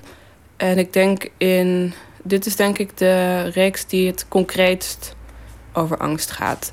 Misschien niet in het eerste gedicht, maar daarna, nummertje twee is een soort, um, is ook weer een soort droombeeld dat, ja, dat voor mij heel angstig aandoet. En dan nummertje vier is eigenlijk een soort manier om jezelf uh, rustig te maken. Um, dus ik heb dit, dit zijn de, gedichten die ik het meest heb geschreven. Toen ik, toen ik nog het dichtst op die, uh, op die angsten zat. Dus die staan er voor mij staan die daar het, het dichtst bij. Je werkt vaak in reeks, hè? Wat, wat heeft dat voor een voordeel voor jou? Um, ja, het is lastig. Misschien dat ik, want ik heb vaak als ik een gedicht schrijf, heb ik heel erg de neiging om alles erin te stoppen wat ik op dat moment aan het denken ben. En dan in reeksen werken is een soort uh, manier om mezelf te temperen of om het iets meer te verspreiden. Dus in plaats van dat je alles in één gedicht stopt, kun je dan, ja, moet je het wat meer doseren. Dus kun je, verdeel je het over vijf of over zes uh, gedichten. En dat maakt het voor mij mogelijk om. Uh, iets meer rust of zo erin te brengen. En ik vind het ook gewoon heel leuk, omdat je dan een echt een soort. Uh, in plaats van dat je één gedicht schrijft, dat je aan een soort mini-projectje werkt of zo. Ik vind het ook gewoon heel leuk om dan te denken: oh, ik heb nu drie gedichten voor deze reeks. Ik zou eventueel nog dit erbij willen zeggen. En dan uh, schrijf je er nog twee. En dat kan. Ja, op een gegeven moment dan is het genoeg. Dan heb je alles gezegd wat je wilde zeggen in die reeks. Maar het is. Uh, ja, ik vind het wel prettig omdat je daarmee het gewoon iets meer uit kunt smeren. En iets meer, ja, iets. Het wordt iets rustiger. Wat ik zo goed vind aan een bundel is dat je. Het is best een heftige bundel. Um, um, maar het wordt nergens echt zwaar. En volgens mij is dat omdat jij heel vaak in de laatste regels, als we bijvoorbeeld weer teruggaan naar dat openingsgedicht of het titelgedicht, um, dan zijn de laatste regels ergens in deze berg moeten mijn sokken toch liggen. Iets zachts voor mijn voeten, dat ze warm houdt. Dan heb je eerst allerlei uh, best wel heftige, zware beelden neergezet. Mm -hmm. en, en dan in het, op het laatste moment keer je het weer even om. Of, of gooi je er iets luchtigs in. Is dat iets wat je ja. bewust doet? Ja, ik denk het wel. Dat vind ik zelf heel fijn om dingen luchtig te maken. Van de andere kant hoop ik ook wel ergens dat die, dat soort laatste zinnen dan dus juist schijnender maken. Het is ook misschien wel enerzijds is het om, om inderdaad wat lucht erin te krijgen, maar het moet ook juist alles wat erboven staat nog eens onderstrepen. Um, en dat vind ik wel heel fijn. Ik denk dat er wel veel humor zit in de bundel. En, maar ik hoop wel ook dat het op sommige plaatsen humor is die. Waar, dus ik word zelf soms een beetje droevig van de humor die erin zit, omdat het zo. omdat het niet helemaal. Uh, voor, uh, voor oplossing zorgt. Maar ja, nee, ik vind het gewoon fijn om, om zware dingen niet al te zwaar op te vatten. Want ik weet namelijk dat ik, dat ik dingen sowieso al veel te zwaar opvat. Dus dan kun je maar beter nadat je het zwaar hebt opgevat, het weer luchtig maken. Maar dat doe je ook door uh, bijvoorbeeld um, woorden als uh, plastic frietbakjes, bastonjekoeken, pokon, um, salami, spaghetti. Van die bijna banale uh, woorden die je laat terugkomen. Is, kan elk woord terugkomen in jouw poëzie? Um, weet ik niet. Ik hou wel denk ik veel meer van dat soort alledaagse banale woorden... dan van hele grote, heftige woorden die de hele wereld proberen te vatten. Um, dus ik, ik heb wel een voorkeur voor dat soort ja, lullige woorden eigenlijk. Um, juist omdat die voor mij iets heel groots weergeven. Ik denk dat omdat die bundel zo over angst gaat, gaat het ook heel erg over een verlangen naar veiligheid. En uh, op de een of andere manier vind, vind ik wel een beetje veiligheid in dat soort uh, alledaagse dingen. Die vind ik heel troostend. Volgens mij is een goed voorbeeld daarvan uh, dat patatbakje. Even kijken hoor. Het gedicht met het achter het zwembad. Ja. Weet je welke dat is? Ik weet welke dat is. Poëzie. Op het moment voelt het wel een beetje alsof ik weer achter het zwembadgebouw een verstopplaats loop te zoeken, ja. Een vochtige plek met plastic frietpakjes en bladgroen voor mijn ogen. Ver weg knaagt iets een weg in mij, wat veiligheid zou kunnen zijn, maar zo voel ik me eigenlijk altijd wel een beetje als ik net ben klaargekomen en alleen nog maar het muffe dons van de dekens ruik. Ik probeerde de hele dag op het woord bastonjekoeken te komen en toen het eindelijk lukte, bleef ik gewoon op bed zitten. Poëzie lijkt me vandaag een land waar ik geen ticket naartoe heb gekregen. Een oude geliefde van wie ik het nummer nog niet uit mijn telefoon durf te wissen. Een ver eiland vol pinguïns. Dat is die tegenstelling die door de hele bundel heen een beetje zit. Tussen dat kleine, het huiselijke en de grote wereld. Er komen veel uh, landkaarten, ontdekkingsreizen, eilanden, andere landen tegenover huizen, veel ramen, deuren. Ja, ja dat is denk ik. Uh, dat is heel erg waar, denk ik. Dat is de, de strijd die er gevoerd wordt. Voor zover er een strijd gevoerd wordt tussen enerzijds. Uh, nou, wel een soort van ten prooi vallen aan de grootste verlangens. Uh, maar tegelijkertijd ja, merken dat je daar geen veiligheid in vindt. Of ik had heel erg in die periode ook dat ik angsten, angsten had, heel erg behoefte aan, uh, gewoon aan, me veilig te voelen. En dat is toch, dat zoek je toch eerder in, uh, nou ja, in huiselijke kringen dan aan de andere kant van de wereld. Tegelijkertijd vond ik dat ook vreselijk. Ik kunt ook weet je wel, je wil ook niet, niet een soort van de burgerlijke huisvrouw worden die alleen maar daar geluk in vindt. Of. Dus daar was ik ook wel weer bang voor. Maar ik merk gewoon dat dat wel een beetje in me zit. Dat ik me daar dus heel prettig bij voel als ik uh, gewoon dat soort huiselijke taken kan verrichten. Um, dus dat is ook een beetje een strijd binnen in mezelf. Van, vind ik dat oké? Okay? Dat, dat zit ook wel een beetje in de bundel.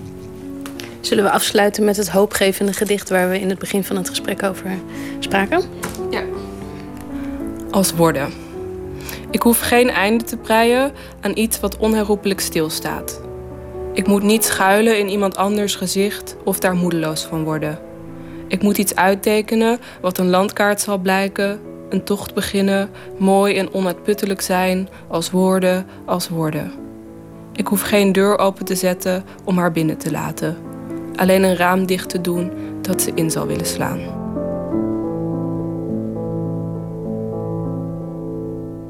U hoorde Lieke Marsman in gesprek met Tjitske Mussen over haar bundel De Eerste Letter.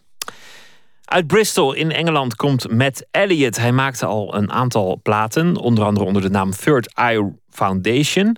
En dit is een nummer van zijn nieuwste, Only Myocardial Infarction Can Break Your Heart. De Nada heet het nummer.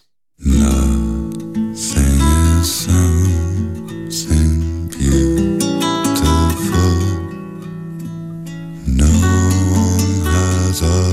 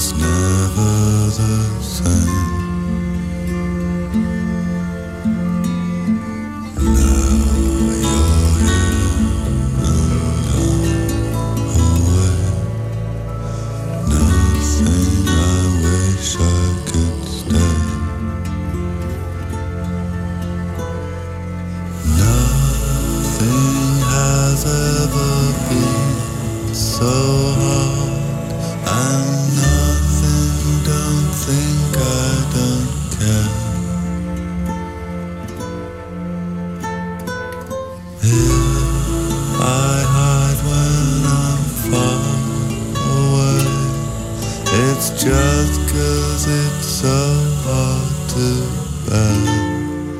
Oh,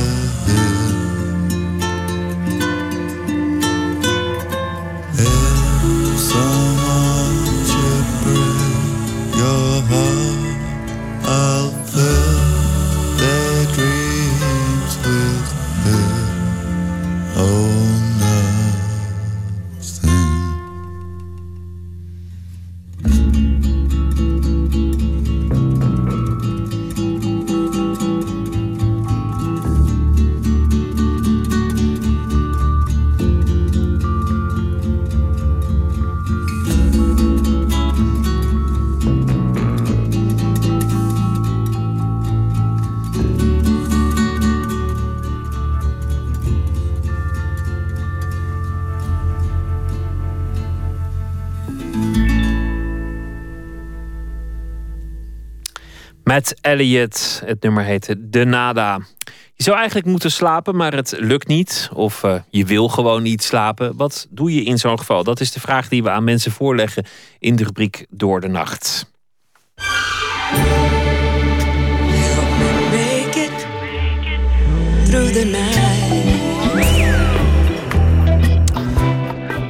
En vannacht vragen we dat aan cabaretier Dolf Jansen.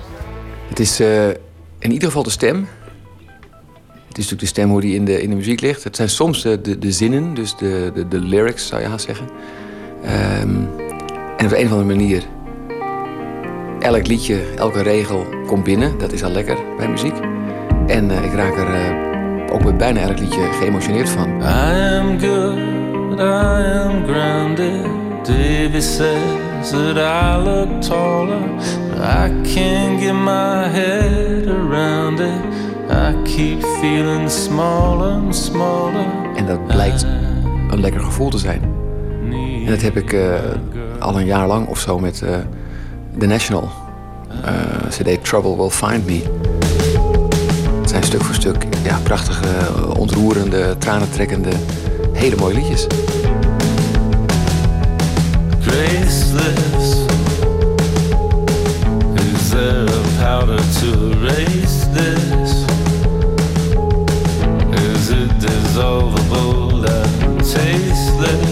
The National is, is een, ja, een alternatieve Amerikaanse gitaarband die ik altijd al kende. Dus van, van eerdere platen, zoals eh, de, de, de Boxer is een plaat en High Violet is een plaat. Eh, en volgens mij mis ik er nog één. Vond ik absoluut goed en kwam wel binnen, maar niet uh, bam en snoeihard. En met deze plaat, uh, Trouble Will Find Me, die kreeg ik op dezelfde manier. Ik denk, oh ja, die uh, New National luisteren. En vanaf het begin, naast het gewoon mooie liedjes zijn en het zo goed zijn, um, zit er een soort van emotie bij, waardoor elk liedje me emotioneert. En dat vind ik een van de mooie dingen met popmuziek. Trieste liedjes waar je een beetje verdrietig wordt en later blij. Keep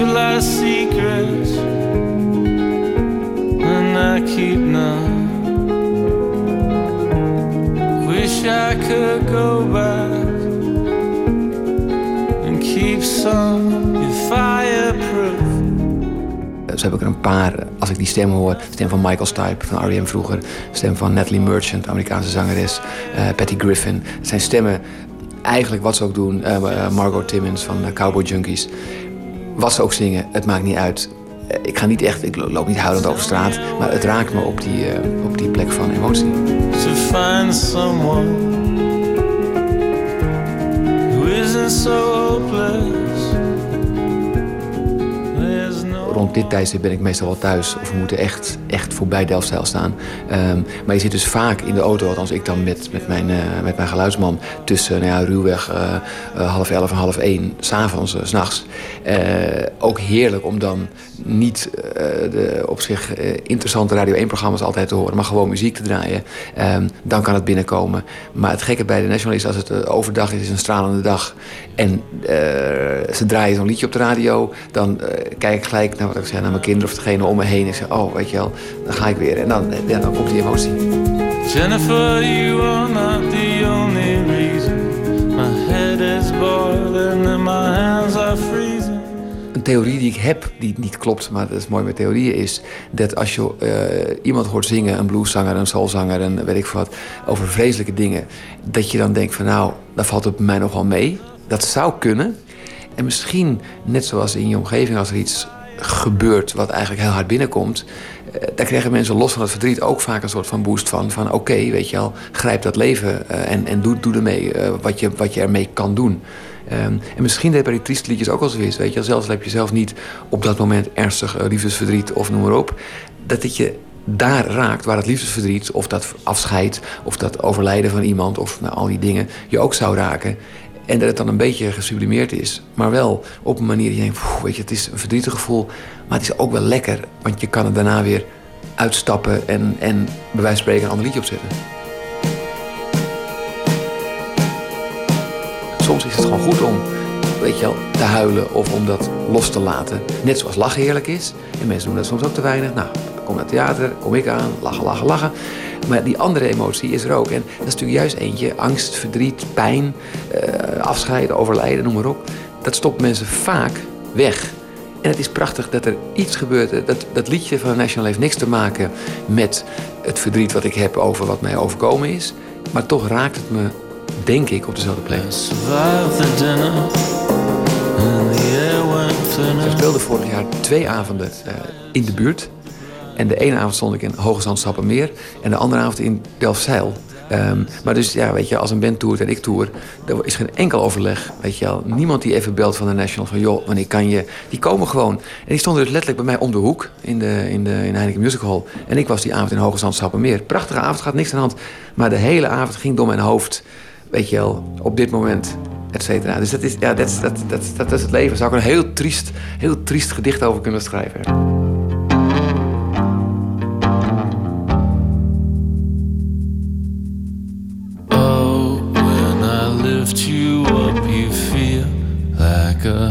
Hundred times yourself. I wish everybody knew what's so great about you. Oh, but your love is such a swamp. You don't think before you jump. And I said I wouldn't get sucked in. I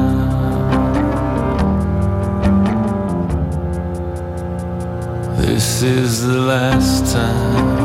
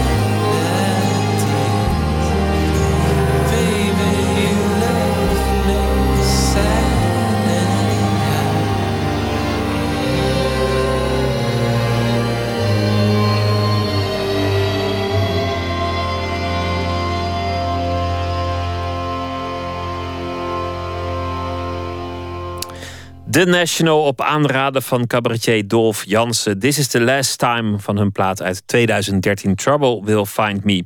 En Dolf Jansen die toert op dit moment door het land met zijn voorstelling Topvorm over ouder worden en over het lichaam.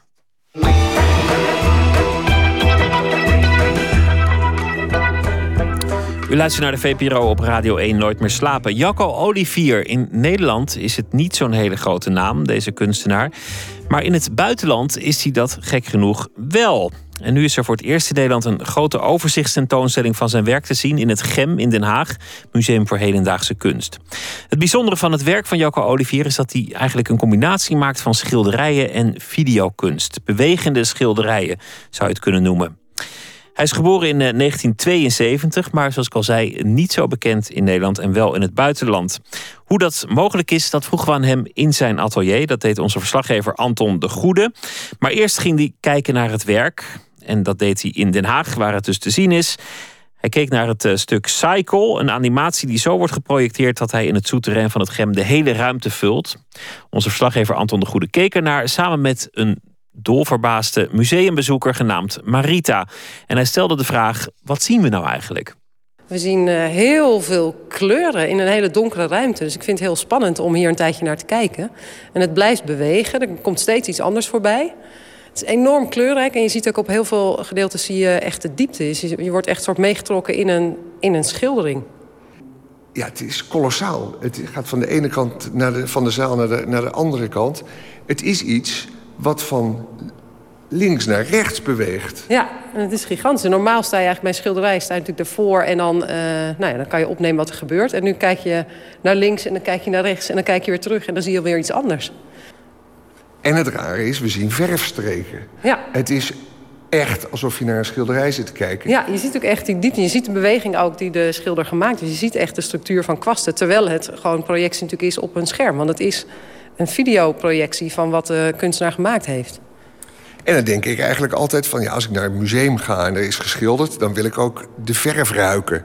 Dan wil ik de penseel, de, de, de, de diepte zien van, van, de, van, de, van, de, van de kwast... die ik afgetekend zie op het doek. Dat zie ik hier allemaal niet. Het is toch film. Je denkt van ja, Het, het mag dan hier kolossaal groot geprojecteerd zijn. Mhm.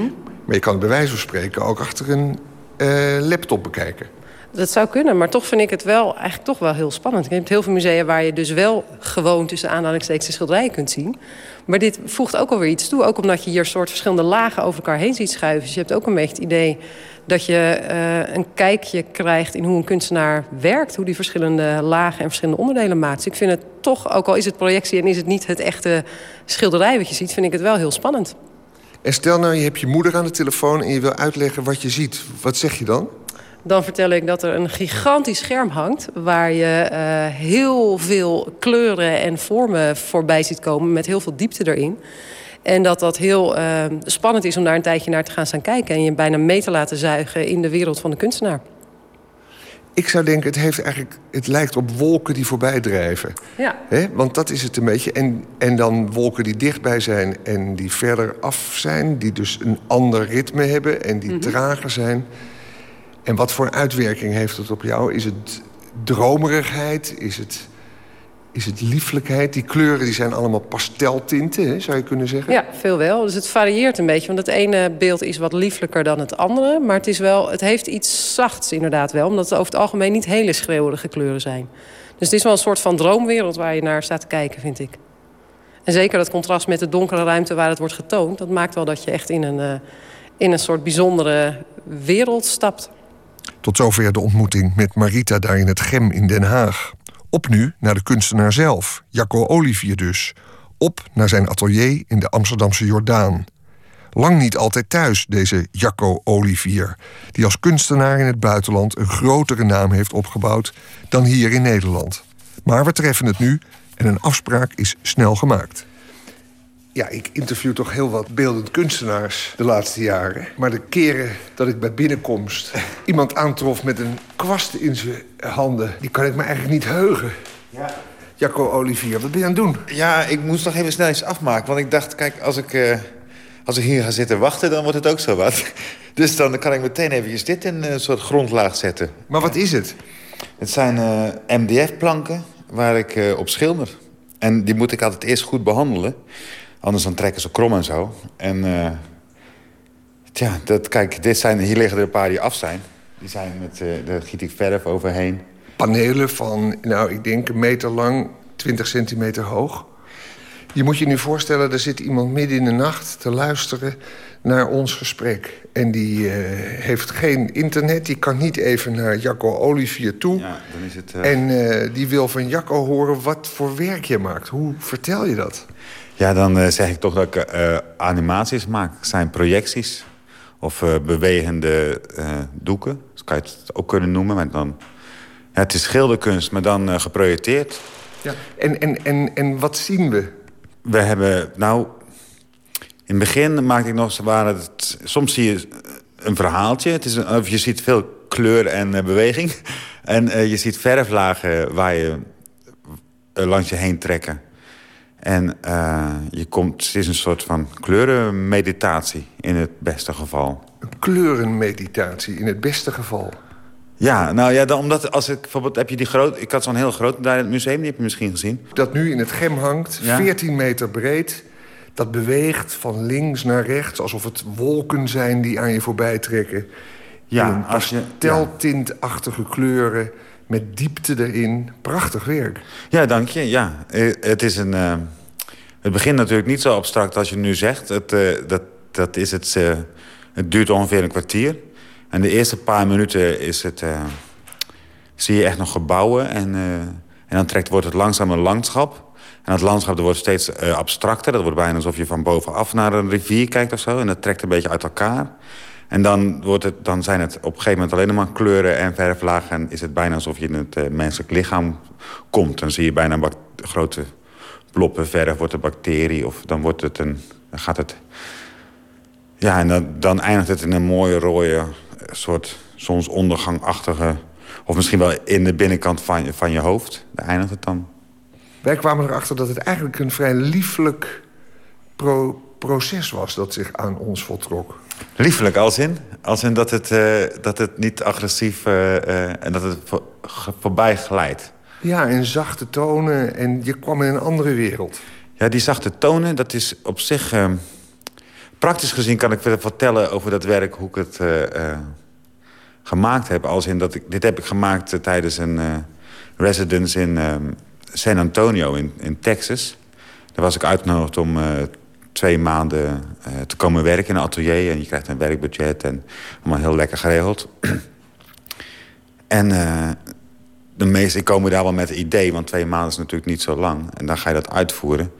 Maar ik ging daar nogal uh, blank naartoe. Dus zonder, ik dacht gewoon, nou, ik laat me inspireren door wat er gebeurt. Dat geeft een beetje paniek de eerste paar weken. Maar uh, toen ben ik gewoon ook, ook veel van dit soort planken gemaakt. En dan ben ik gaan fietsen.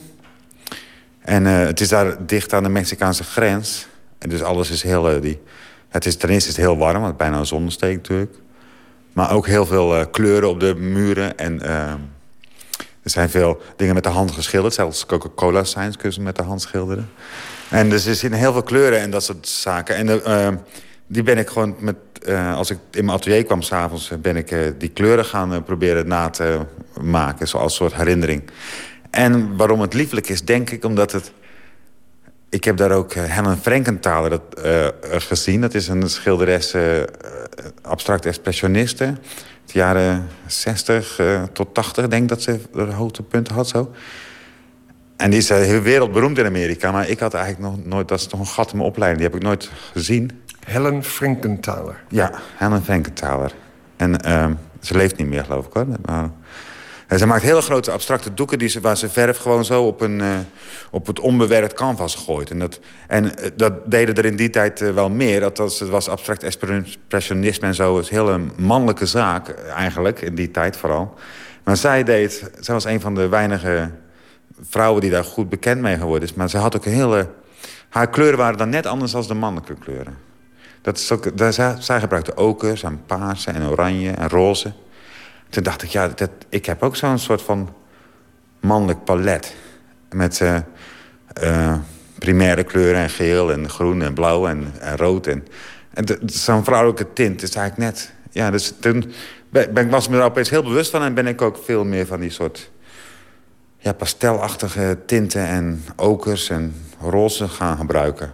En je was dus toen in Texas je, je faam in het buitenland is misschien wel groter dan die in Nederland tot dusver. Je hebt in New York geëxposeerd, in Berlijn, als ik het goed heb. Ja, ik doe meer, ik doe meer in het buitenland eigenlijk dan in Nederland. Hoe komt dat? Ja, dat is, dat is een soort toeval eigenlijk. Ik was na de Rijksacademie... Uh, had ik, ben ik vrij snel door Victoria Miro opgepikt. Dat is een uh, galerie in Londen en dat is toch wel een van de grotere. En... Uh, die heeft een hele lijst met vrij bekende mensen. Ik had nooit gedacht dat ik erbij zou zitten. Maar dan, ja, dat opent ook deuren naar andere dingen. En daar heel snel had ik een galerie in New York. Waar ik ook al tijd mee werk. En dan, dan zit je aandacht daar. Je hebt het GEM, dat gaat dus over hedendaagse kunst. Daar ben jij nu te zien. Mhm. Je hebt daarnaast het gemeentemuseum... en er is een grote expositie over Mondriaan en het kubisme. En dan zie je de invloed van het Franse kubisme... waar hij dan heel erg naar trekt. En dan gaat hij daar kijken. En het Nederlandse kubisme. En dan wordt het steeds kariger, die moderne kunst is steeds strakker... en hij zit te pijnzen van hoe moet het nou verder met die kunst.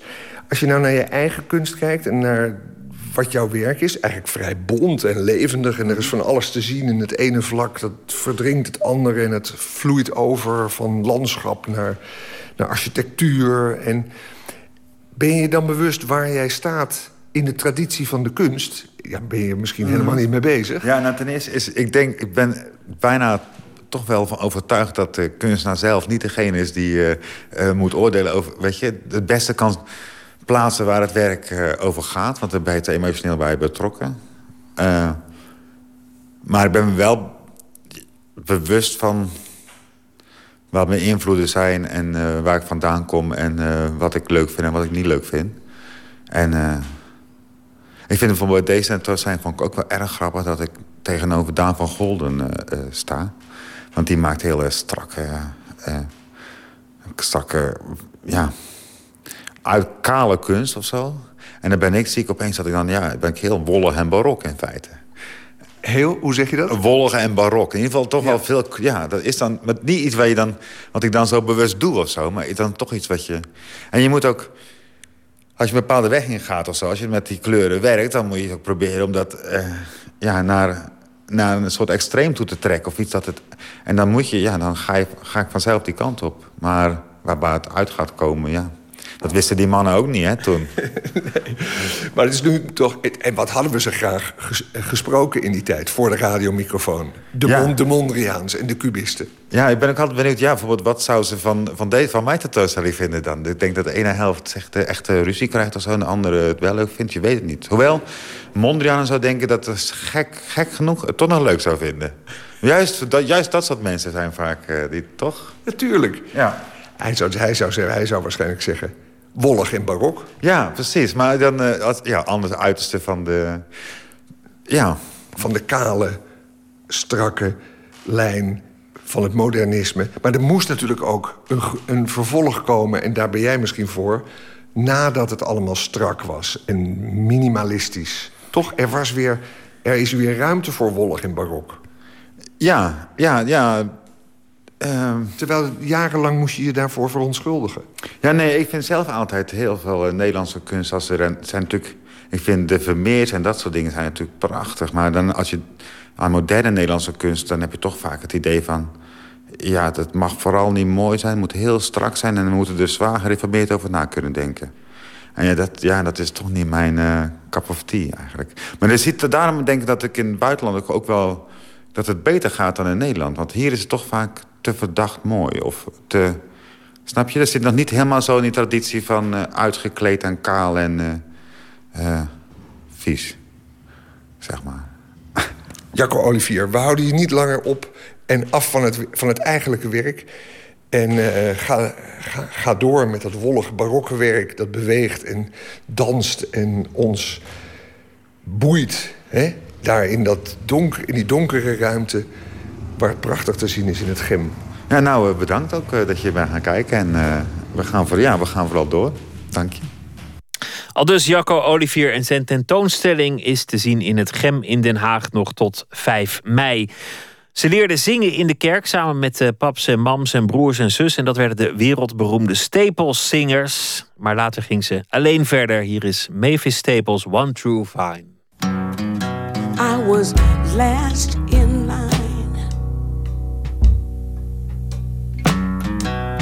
for the one true vine, endless winding thread. I was dead at first. I had done my worst. And you came to Life has ceased. I was lost and tired. You set me free from this mighty, mighty fire. Just in time to be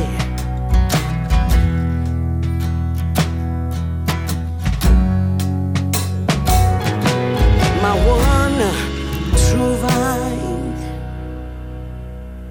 You still come to me, and you comfort me.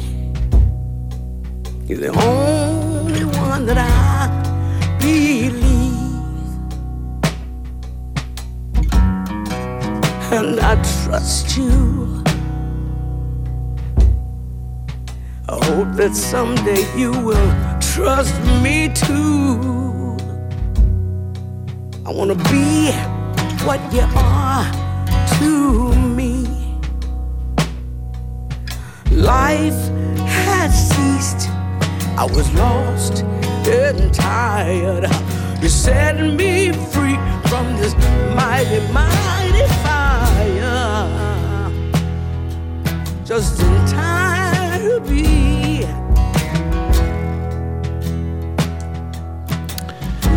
Mavis Staples uit 2013. Het nummer heette One True Fine. En zo zijn we aan het einde gekomen van deze aflevering van Nooit meer slapen. Morgen zijn we er weer na middernacht. Dan komt Gerard Jan Reinders op bezoek, de regisseur, over zijn nieuwe voorstelling Orestea bij het Nationale Toneel. Graag tot dan. Ik wens u een hele mooie nacht. En morgen wens ik u een hele bijzondere en mooie en uh, vruchtbare en uh, nou ja, alles wat u maar wenst uh, voor een dag. Graag tot morgen. Op Radio 1, het nieuws van alle kanten.